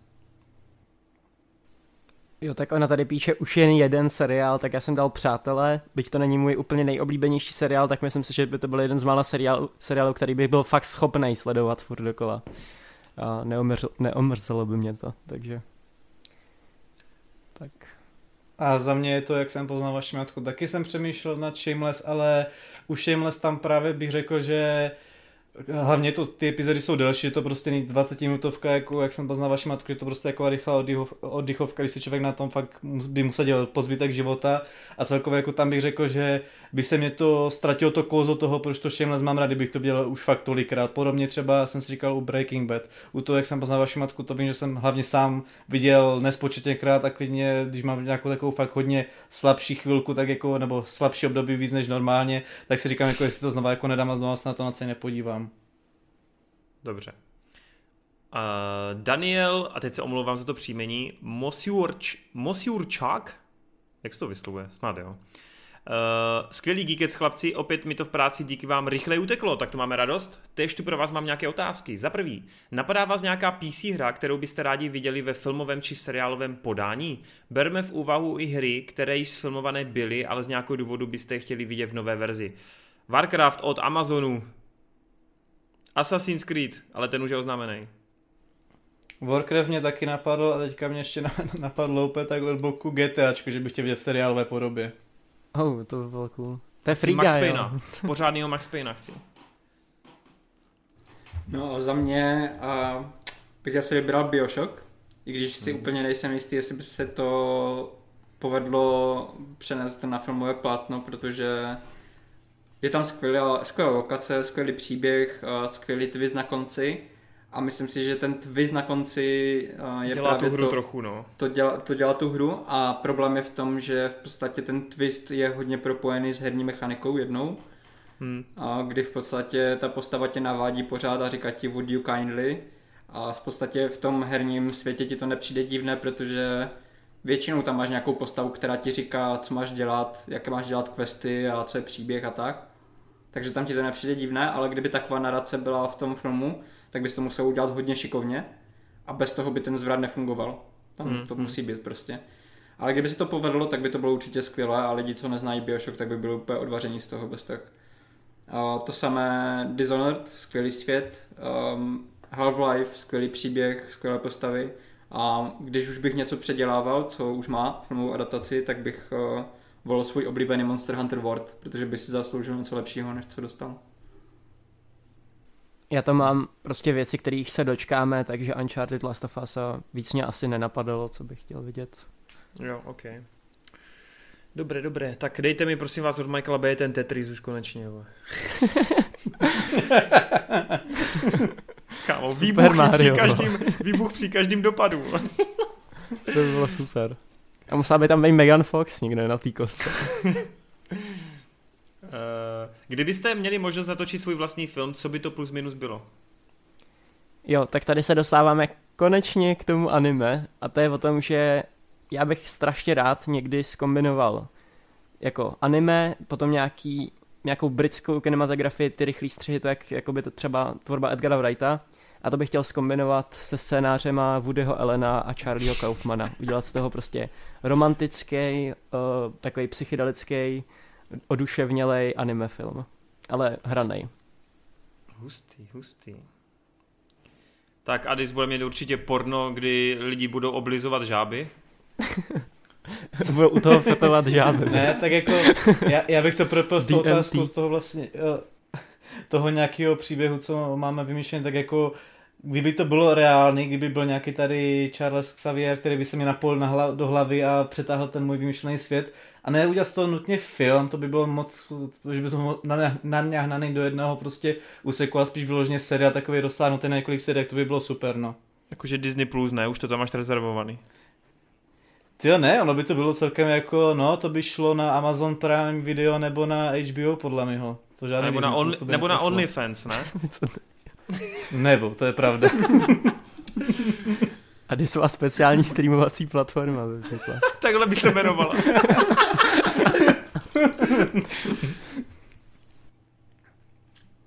Marťas. No a já, a, když bych si něco mohl natočit a měl bych na to ty režisérské schopnosti a rozpočet a všechno, tak by to bylo rozhodně nějaké mm, rozmáchlé, epické high fantasy.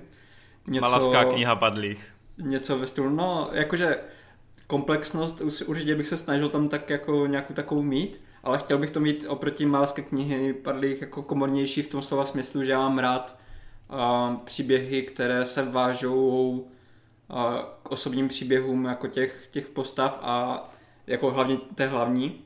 Něco jako třeba v Berserkovi, kdy prostě v Berserkovi vidíš, jak uh, si začátku jsou blízcí Guts a Griffith. to jméno, Griffith, tak eh, jak jsou si začátku blízci, víš co, jak si budou to přátelství a tak a pak vidíš, jak se, jako co se to z toho přátelství stane a, a jako ta třeba osudovost toho jejich vztahu mezi, mezi nima, to mě strašně jako baví. A já bych určitě udělal něco ve stylu, jakože bys měl třeba rodinu jako nějakých sourozenců, kteří by byli rozdělení a třeba jako bratr by byl vychovávaný nějakým zlem. Že by v podstatě mně se strašně líbí myšlenka toho, jak eh, třeba eh, vznikl nacismus a tak, že to nebylo, jak si lidi myslí prostě, že přišel Adolf Hitler, řekl, budeme nacisti a všichni v Německu řekli, jo, pojďme do války. Žil jsem ve lži. On to byl pomalý proces, kdy v podstatě on jako manipuloval s celým, s celým německým eh, lidem, aby dělali to, co on chtěl. A v podstatě tohle bych chtěl proskoumávat v té záporácké části svého filmu, nebo toho svého no, fantasy světa, kdy v podstatě člověk, který je součástí rodiny, která je součástí jako hrdinské rodiny, že tam by si sledoval nějaké třeba ty hlavní postavy jako hrdiny, tak jejich bratr byl třeba jako na začátku svého života nějakým způsobem odtržen od nich, vychovávaný tím zlem, ale tím, že byl vychovávaný tím zlem, tak z někoho, kdo má hrdinské kořeny, tak by se stal totální záporák, víš co, a ale, ale jak... Říká se jako Star Daniel Wars. Se, Daniel, Daniel se podle mě ptal z toho důvodu, že teď si přesně ten tvůj nápad zapisuje. No, a proto jsem to neřekl tak konkrétně. Ty jsi mu to všechno vyspoileroval. Ale já, já jako, to je právě třeba hodně podobné s jednou z těch předchozích otázek, když jsme jako, jestli jsme si vymýšleli příběhy, tak já právě, když jsem četl všechny tady ty fantazy, tak jsem si právě vymýšlel takový příběh o, o sourozencích, co by měli být jako dva kluci a jedna holka a právě tohle se tam stalo a jako měl jsem takový lehký nápad na něco takového. Počkej, a... jestli chceš, aby to uspělo, tak to nemůže být jenom holka a, uh, holka a dva kluci, to musí být transgender, musí tam ne, být... Ne. Ono to tam právě mělo jako, já jsem chtěl tomu dát uh, hloubku, proč, proč je to důležité, aby prostě byli tři a aby to bylo takhle rozdělené. A já právě mám rád tu, tu osudovost třeba těch dvou postav, těch dvou bratrů, že no. třeba v jednom mém oblíbeném anime, které není úplně jako skvělé nebo tak, ale je tam jedna příběhová linka skvělá, je to Ragnarok anime, podle mm. Harry Ragnarok. A tam je prostě postava, která v podstatě, když vyrůstala, tak měla svého nejbližšího, nejbližšího kamaráda a oni spolu jako vždycky trénovali, bojovali a tak. A právě při jedné výpravě ten eh, kamarád jeho, jak kdyby zůstal v jednom dungeonu, že oni prostě tam byla, za ně zautočila příšera a oni ho tam museli nechat, aby přežili vůbec. a tím, že on tam umřel, tak z něho se stal v podstatě takový jako duch posedlý, kterého potom ten největší záporák používal a nutil toho hlavního hrdinu, nebo on nebyl úplně hlavní, ale jeden, jednoho z těch hlavních hrdinů nutil k tomu, aby v podstatě s tím nejlepším svým přítelem bojoval. A na konci jo. bylo krásné to, že on v podstatě ho porazil, oba dva umřeli přitom, ale on věděl, že ho v podstatě osvobodil, protože on byl jak kdyby jenom posedlý a jo, jo. víš co, jakože bylo to takové tragické, ale krásné, no. Mě připomíná trochu Darrena Shane, no. to, to, bych si dal novou filmovou adaptaci. Promiň, Vejde, co jsi říkal? Jsem říkal, že to napíše Marty a že to natočíme. To, to zní dobře. Jo, takhle. To by, to by chtělo hodně času, peněz a tak, takže Ale... myslím si, že to je nereálné už. Ach jo, no dobrý, tak jo. Tak já doufám, že se zadaptuje válka klanů někdy. Winchester Trio potřebuje žít. Je to tak. tak. A jejich řidič samozřejmě. Of course. Tak, Lukáš Borec, ahoj, mám pár otázek. Jaký díl z nové trilogie Planety Opic máte nejraději? Ty vole, to je těžký pro mě. Tak pro mě ne, jednička. Mm. Protože to bylo úplně, já jsem vůbec nečekal, že mi to bude bavit, ale úplně totálně jsem to žral. I toho, uh, v podstatě tu, tu hlavní postavu, jakože jak, jak to bylo zahrané a i prostě ten opičák, jak, jakým způsobem se jim povedlo prostě stvárnit digitální postavu takovým způsobem, že mi přišla totálně živá, tak to mě úplně jako dostalo.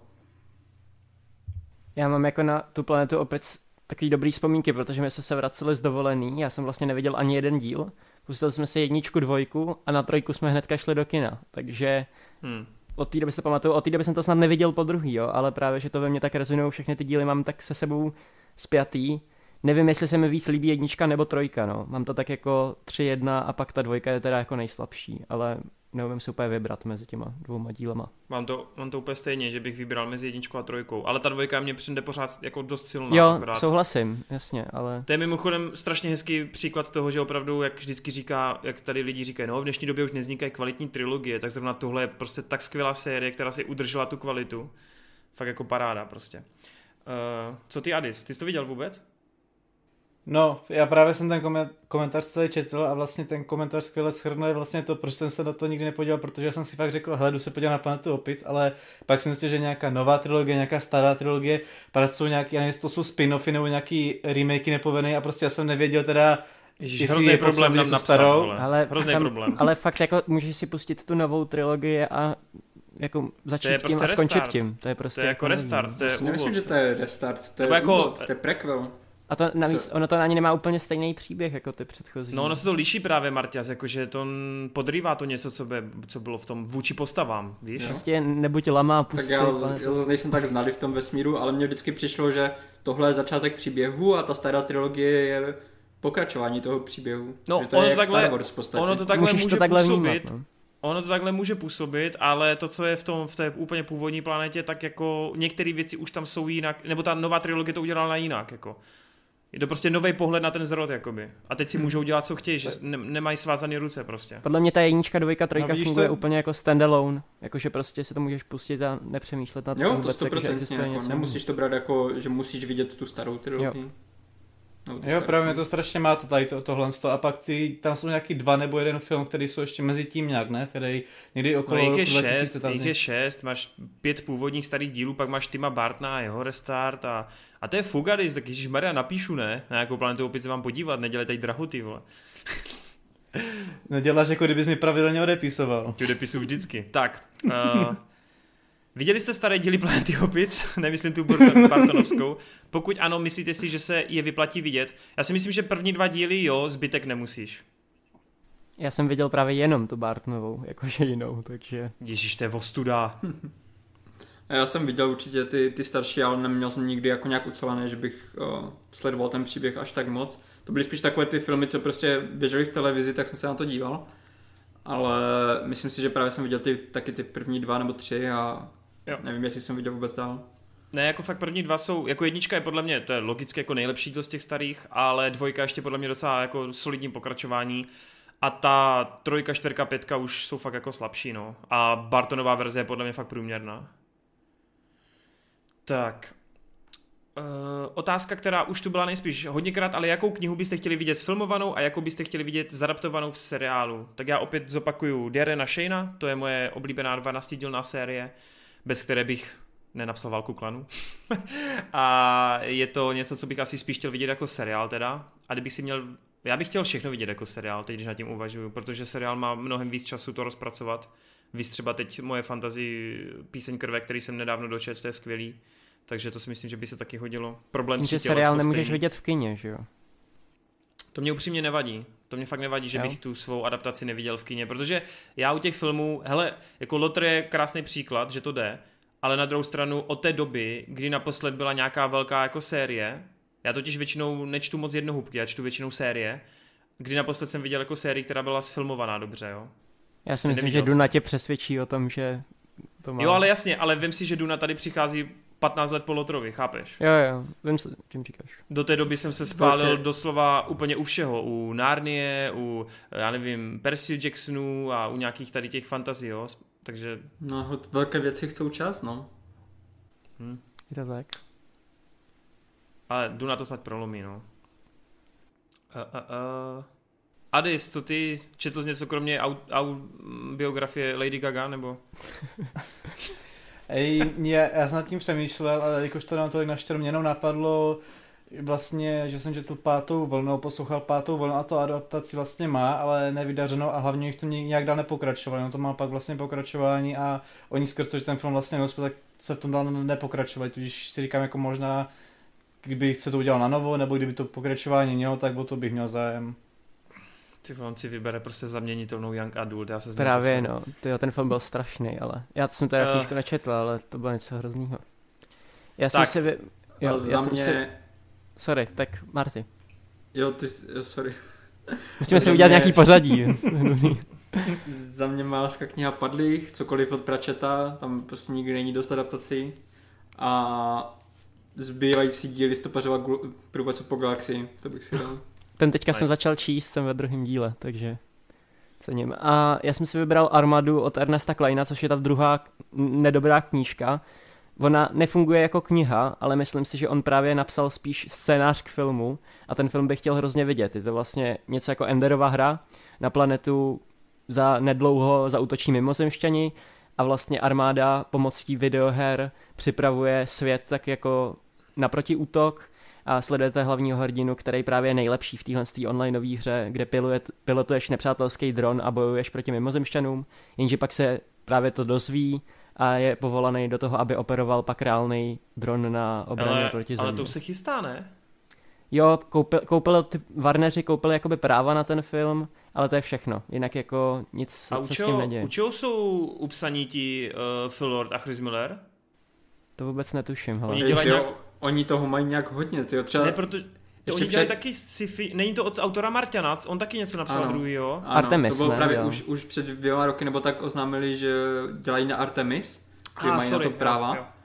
Ale od té doby, právě já na to čekám, protože já jsem si to kvůli tomu přečetl, ta, ta knižka fakt jako sedí do toho jejich stylu, jakože si dokážu úplně představit, že by z toho byl fakt dobrý film. Ale od té doby je úplně ticho, jako vůbec nic jsem o tom neslyšel a vůbec nevím, jestli se na tom nějak pracuje. Protože mají plný ruce práce ze Spider-Verse. Oni, oni jako furt oznamují čím dál jako další věci, co na čem pracují a tak, ale o tomhle je ticho. Jo, no, tak, tak já jsem si spletl Armadu a Artemis, no, asi skrz no. Ačko, tak to sorry. Oni v té armádě jsou právě skvěle popsaný ty vzdušní souboje, to je prostě něco, co bych fakt chtěl vidět jako na vel, velkém plátně, jak tam prolítává těma různýma budovama a tohle to si myslím, že by mohlo jakoby fungovat. No a pak mám ze Aragona bych chtěl jako seriál od Amazonu se stejným budgetem jako Pán prstenů udělat z toho fakt jako výpravnou nějakou velkou ságu. Hmm, hmm. Což se fajn. nestane, no. takže. A za čtvrtý, kde je Rob? Hele, Rob momentálně užívá dovolenou. užívá dovolenou, jenom. Jo. Uh, Rob bohužel tak nějak jako nemá čas na ty geekeci a nemá tam už teď takový zápal, protože se musí soustředit na trochu jiné věci, takže těžko říct, jestli se třeba Rob ještě někde ukáže. Ne, nechci raději slibovat, protože je to spíše nepravděpodobné. Ale kdo ví, kdo ví. Tak, děkujeme za dotazy. Adam Ružinský. Páčilo se mi zakomponování nového člena Vejda, keep it up. Marty o tom dokumente rozprával velmi půtavo, pozrem si to a dám vám vědět nějaké ty dojmy. Jinak, keď už je tu ta Duna Hype, Čovi a Duna Saga knihy, čítali jste? Já jsem čítal prvé tři, které jsou zatím preložené do slovenštiny a těším se na další. Tak, uh, veď tady má samou chválu. A ty jsi, ty, když jsi šel poprvé do Geeketsu, tak, tak tolik chvály nebylo. Jak si to mám brát? Jako, že tě mám vyhodit, nebo? Já nevím, prostě lidi nejsou schopni docenit rychle zbesila School Musical, jako ne, kde je problém. Já bych řekl, že bude tam v tom levém rohu volete kamery, ale dobře no. Uh, jinak je super, že někdo teda, Adam v tomhle případě reagoval na Martyho dokument, který přímo vyzval, takže minimálně jeden divák to doposlechl celý asi. Tam je víc těch komentářů, myslím, že minimálně dva, tři, takže v super, jako super. Si to otestoval, já jsem čekal vůbec, já jsem čekal nula, takže jako jo. tohle je super. OK, no a co se týče Duny, tak já se přiznám, že vlastně mám znalosti jenom první knížky. A teď vlastně, jako nejde ani o to, že bych ho jakoby četl, spíš jsem jakoby nějakým způsobem si kompletně ten příběh jako tak nějak drtil. A teď to možná tady vidíte vzadu za mnou, tak eh, kluci teda to nevidí, tak mám za sebou knížku právě Duny a jakmile teď dočtu pátý díl jedné detektivky, co mám rozečtenou, což mě chybí asi 100 stránek, tak hned se chci pustit do Duny a přečíst to před filmem ještě, no. Jo, můj plán... Sorry. No, ne, mluv, mluv. O, můj plán byl právě přečíst si to před filmem, jenže jsem dneska četl infovou recenzi, který to viděl jako dřív a tam bylo vyloženě řečený, že Vilnev myslí na ty, který s tím jako nemají nic společného, který do toho jdou na novo a že ten film je fakt jako hodně vysvětlovací a vlastně si říkám, že to radši uvidím úplně jako bez jakýkoliv knowledge a užiju si to jakoby v tom prvním podání, no. Až na tom filmu. Jasně. Já osobně uh, vím hodně o tom příběhu, nejenom co se stane jako v první knížce, ale i co se stane trošku jako dál. Je to kvůli tomu, že prostě je to strašně slavná sci-fi saga, teda no jako sci-fi fantasy saga a tohle přímo jako jsou moje oblíbené žánry, takže často, když jsem se zajímal o to, jak prostě fungují ty sci-fi fantasy příběhy, tak je na tohle odkazováno, často se to rozebíralo na různých fórech a ve videích a tak dále. Takže jako znám o tom hodně, ale nikdy jsem to vyloženě nečetl. Ale taky si právě myslím, že tady vůbec není potřeba jako to mít načtené nebo tak, protože Vilnev právě to chce podat tak, aby člověk, když uvidí jako tohle poprvé, tak v podstatě dostane uh, kvalitní přepis toho, co děje v knížkách. Není to jak ta Lynchová verze, kdy jako Lynch trošku trošku nechápal prostě o čem to má být, což jde poznat hlavně na tom, jako jak eh, se chová k postavě Pola, což si myslím si, že, jako, že tady právě úplně perfektně Denis určitě udělá, protože on ví přesně, kde ta postava spěje, jako kde bude za, za pár knížek a co se z ní stane. A tady tohle je prostě důležité pro ten začátek toho příběhu. Takže z tohohle důvodu, že vím trošku, jako co se tam stane a tak, tak jsem strašně nahypovaný a doufám, že si to jako zaslouží ty dva, tři filmy, aby, aby jsme dostali to, o čem ta Duna je. Jenom abych vysvětlil, já to nečtu proto, abych jako se cítil, že jsou ready, až uvidím film. Já to čtu proto, protože už teď vím, že to vyhoří a že se nikdy nedočekáme pokračování a chci, aby ten svět v mém, v mé mysli žil dál, že jo? Abych jako už se nezdržoval a pokračoval v tom příběhu dál, takže proto no. A to mi přijde právě dobrý jako potom, víš co, podíváš se na film a pak to se stane, si přečteš v té knize. Jo, ale já, zas, jako já mám problém, když vidím film, tak mě se už nechce číst knížka, takže já to musím udělat předtím, jo. protože film nemám problém zkouknout, když mám přečtenou knížku, víš co. No. Ale naopak se do toho trošku hůř jako nutím. Takže, protože přece jen knížka vyžaduje víc času, že jo. tak. Zdeněk Gruml, hoši, posledních pár geekeců vám píšu pravidelně, fakt mě bavíte, takže nemůžu vynechat dotaz ani tentokrát. Chtěl bych se zeptat na Miloše Formana a jeho tvorbu, co vás od něj baví. Já bych určitě zmínil filmy Amadeus, Muž na měsíci a samozřejmě Přelet. Děkuji Martimu za doporučení filmu Adamova jablka, je to neskutečná pecka, dost možná Metsův nejlepší film. Souhlas. Uh, no jako přelet jsem neviděl, jak jsem tady řekl, a jinak od Formana jsem viděl asi jenom dva filmy, přičemž jeden je právě muž na měsíci a druhý je uh, Gojovy přízraky a muž na měsíci je z těchto dvou jako lepší, no, takže... Tak pro mě je právě Já taky... Amadea. Takže Amadeus. Jo, jo, Amadea jsem viděl. A za mě muž na měsíci určitě první, Uh, strašně se mi líbil Lid versus Larry Flint. To je snad první film, co jako soudní proces, co mě fakt bavil. Woody Harrelson. A přelet nad kukačím hnízdem je pro mě trojka. No. Já to mám podobně jako Toren s tím, že jsem o Formanovi viděl ten dokument Forman versus Forman, hodně jako se o něm učíme na škole, takže jako mám ho v povědomí. Viděl jsem od něj uh, Černýho Petra, což je právě jeden z těch jeho prvních filmů a vidíš tam, jako, jakým způsobem on pracuje s hercema a se scénářem. Amadeus se mi líbil, ale já k němu jako nemám žádnou citovou vazbu. Mě jakoby ten styl jeho režírování mi jako úplně nesedí, není to něco, co bych vyhledával, co bych si nutně teďka potřeboval rychle uh, rychle se na to podívat, ale myslím si, že ten muž na měsíce by mě asi zaujal jakoby nejvíc. A určitě se na něj chystám skrz Jima Kerryho a však víte. OK. Uh, Alice, jo, ten říkal Amadeus.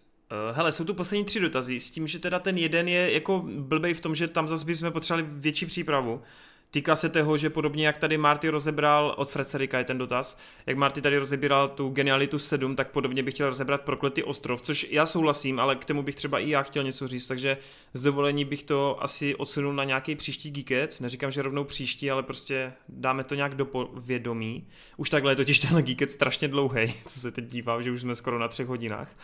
No a... tak ještě ten vtip se s čuráním a můžeme to ukončit asi, ne? No, pak je tam ještě poslední, pak je tam poslední dotaz ještě. Každopádně ano, čurání, Dominik Voch, ten vtip s čuráním, jak no, Marta tak... neví, čemu já... se směje. Tak já se k tomu, hned, já, se, já to hned odpovím, to, ať si to lidi přečtou, když tak okay. uvidí. Ono to je docela dlouhé, tak než byste přečetl. Uh, jde o to, že já jsem si vůbec nebyl vědomý toho, co, co bylo v těch tweetech jako extra. Ono, když to problesklo, ta zpráva, jako že ho vyhodili, tak jsem si samozřejmě přečetl některé ty tweety, ale vůbec jsem si nepamatoval, o čem byly.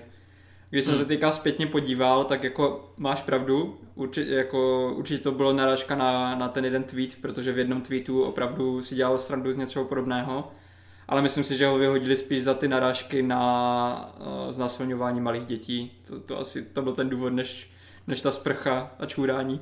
Ale jinak jako jo, tohle, tohle bylo na mě teda, že ten vtip jsem nepochopil, protože prostě tady ten ta bulvární část uh, filmu mě extra nezajímá, to většinou jako jenom tak projde. Jediné, co jsem si z toho vzal, prostě, že nebude točit uh, už pro Marvel. To bylo jediné, co jsem si zapamatoval z té aféry. Ale Začal jinak jako... psát petici, vole.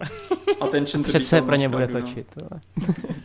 Tak, eh, no a poslední dotaz teda od Flendra 9. Stává se vám někdy, že máte hype na daný film jen kvůli obsazení nějaké ultra hezké herečky? Zkuste se vyhnout nové, novému Bondovi a Aně de Armas, tam je to jasné u každého zdravého heterosexuála.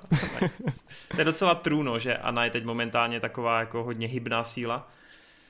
Uh, tak pojďte kluci, máte něco takového? Máte bonera, když se objeví někde nějaká holčina? Já to bych úplně neřekl, ale třeba když se podíváte na moje ČSFD v poslední době, tak jsem nakoukával úplně všechny filmy s Emma Stone od začátku její kariéry úplně do konce a mám v plánu to ještě dokoukat. No. A není to tím, že by mi přišla nějak jako ultra hezká, ale spíš mám rád její herecký jako přednes a přijde mi jako fascinující jako osoba, takže se dívám fakt na ty filmy jenom kvůli ní když tam má nějakou malou roli. Jsem, no tak, jsem čekal, že tady udělám joky na Martina s Vejdem, že koukají na ty staré filmy, že vlastně ty jejich herečky už jsou dávno v hrobě. Vole, no, ale... to mám třeba s Audrey Hepburn. Jako. Zatímco ty Anisový herečky čekají na to, až dostanou občanku, víte co, vole. Každý má něco. ne, ale, uh, Olivia, Dro, Dro, Olivia Rodrigo z High School Musical The Musical The Series měla už 18, takže na občanku nečeká. Ty ale vole, good for you, jako, Aris, takhle, good for you. Mě třeba Emily Blunt jako úplně hledově tolik jako nebere, ale spíš jejím charizmatem, takže díky ní vlastně to můžu takhle tak podat, jako ne skrz hled, ale skrz charisma vlastně se zajímá o filmy, kde je a stejně tak to takhle mám, i když Chloe Grace Moretz se mi jako líbí zhledově, tak u ní to takhle mám vlastně, vlastně skrz ní jsem se začal zajímat o pátou vlnu tenkrát, když se chystal ten film, takže to dám jako, jako svou druhou volbu. Ach, jo. Hmm. uh, Marťas? Uh, já úplně tohle to už jako nemám, že bych měl vyloženě jako díval bych se na filmy kvůli herečkám nebo tak, to, to vůbec. Ale kdybych měl vybrat nějakou, tak asi z poslední doby ta Anna uh, Taylor jo- Joy, nebo jak to je? Jo, tam je přijde jo, jo. taky jako hodně zajímavá, no. On hlavně jako ten Gambit uh, tam hrál úplně skvěle a těším se na to, že v uh, Last Night In se ho to potvrdí. Já mám rád, mm. když mají ty ženský takový jako to svoje charisma, jo? že ona i z těch fotek, který dává jako na svůj Instagram různě z toho focení a tak, tak úplně sálá ta její nějaká osobnost a to mě na ní vlastně baví, víc než její vzhled. Vzhled. Jo. Mm-hmm. Jako souhlasím, no, že když se jako někdy objeví, že je v castingu potvrzená ta Anya Taylor, takže jako taky mě to docela jako zajímá. A nevím, no, jako, jako asi mám někdy takovou tu slabost, že si řeknu, jo, hraje tam tahle, tak je asi pravděpodobnější, že se na to prostě podívám třeba na tom Netflixu, Zendaya. než... Ne, ne, ne, ne, ne. Tak uh, ta točí tak nějak, že to člověk stíhá korigovat, víš co, tam se... Ona většinou hraje ve No. filmu, který mě zajímá, i kdyby tam ona nehrála, takže tam je to jako docela, že to jde ruku v ruce. Ale třeba tam, teď třeba hezký příklad, tam Mary Elizabeth Winstead. Normálně bych se třeba na Netflixu na tu Kate nepodíval, na ten no. akčňák, ale jelikož tam hraje ona, tak mě to prostě zajímá skrz ní, jo, takže třeba Jo. tam mě docela baví, no. Jo, já ještě, že se vrátím k té Emě Stone, tak jsem díky ní viděl Papermana s Ryanem Reynoldsem, hraje tam ještě Phoebe z Přátel a nějaký čtvrtý člověk a je to úplně strašně skvělý, takový jako zapadnutý film o vlastně vyhořelém spisovateli, který hledá jako znova smysl v životě a málo kdo o tom ví, takže doporučuji se na to podívat, kdo by měl náladu chuť. Tak. Jo, jsi dokonce psal nějaký koment tam, ne? Nebo si to pletu s Jo, já jsem, já jsem právě psal koment takový, že to nemá cenu ten film rozebírat, že to je přesně jako, že to funguje jako ten skrytý klenot, který prostě jenom někde najdeš, pustíš Hmm. si to a řekneš, hele, o tomhle filmu fakt nikdo nemluví, nikdo o něm neví a je to vlastně dobře, že to je takový jako utajený gem. Hidden gem. No, přesně Nice, tak. nice. Tak jo, tak parádička. Parádička, tak jsme na úplném konci, tyjo, tentokrát to je fakt dlouhý, tři hoďky, no, tak jsem zvědav, jak to se stříháme. Každopádně, my moc děkujeme všem, kdo napsali nějaký dotazy, Eh, myslíme i na ty dva dotazy, které jsme posunuli do dalších geekeců, takže nebojte. Eh, Pokud budete mít cokoliv na srdci, nějaký připomínky nebo právě nějaké další otázky, rozstřely, cokoliv, tak eh, se nebojte, klidně pište a my vám je rádi zodpovíme. Doufáme, že jste si tenhle díl užili, pokud ano, tak kromě feedbacku, tak samozřejmě znáte to takový ty interakce ve stylu těch palců, sdílení a tady těch blbostí. Případně pokud jste na Spotify, tak eh, nám taky udělá radost, když skočíte na ten YouTube a tam to třeba taky podpoříte takhle zpětně. Uh, děkuju klukům, dneska to bylo výživný, mám pocit, že jsme dneska toho probrali fakt jako hodně. A Disney ani tolik nesral, takže dobrý, dobrý geekec. a uh, doufám, že jste si to užili i vy a že se uvidíme u 48. epizody. Máte něco na závěr, nějaké doporučení? Vejt teda už to tady vyžebračil Papermanem. Uh, Já No, bych doporučil právě, jak jsem byl na tom kvifu, tak Zánka Contact. Nebudu k tomu nějak nic moc tady povědat, protože by to bylo na dlouho, ale to je jeden z filmů, který jsem tam byl jako ním uhranutý a doporučil bych ho komukoliv, ale především těm, co mají rádi rock and roll. A pak Kafar Now, kurva, jak, no, když tak ti pak napíšu, ať napíš do popisku, to je taky super film vlastně o synovi, který zažaloval své rodiče, rodiče za to, že ho porodili a je to takový hodně eh, takový k zamyšlení a skvěle podaný.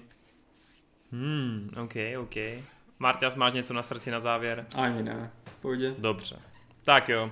Tak moc vám děkujeme, mějte se hezky a uvidíme se příště. Čau, čau. Čus. Zdár. Čau.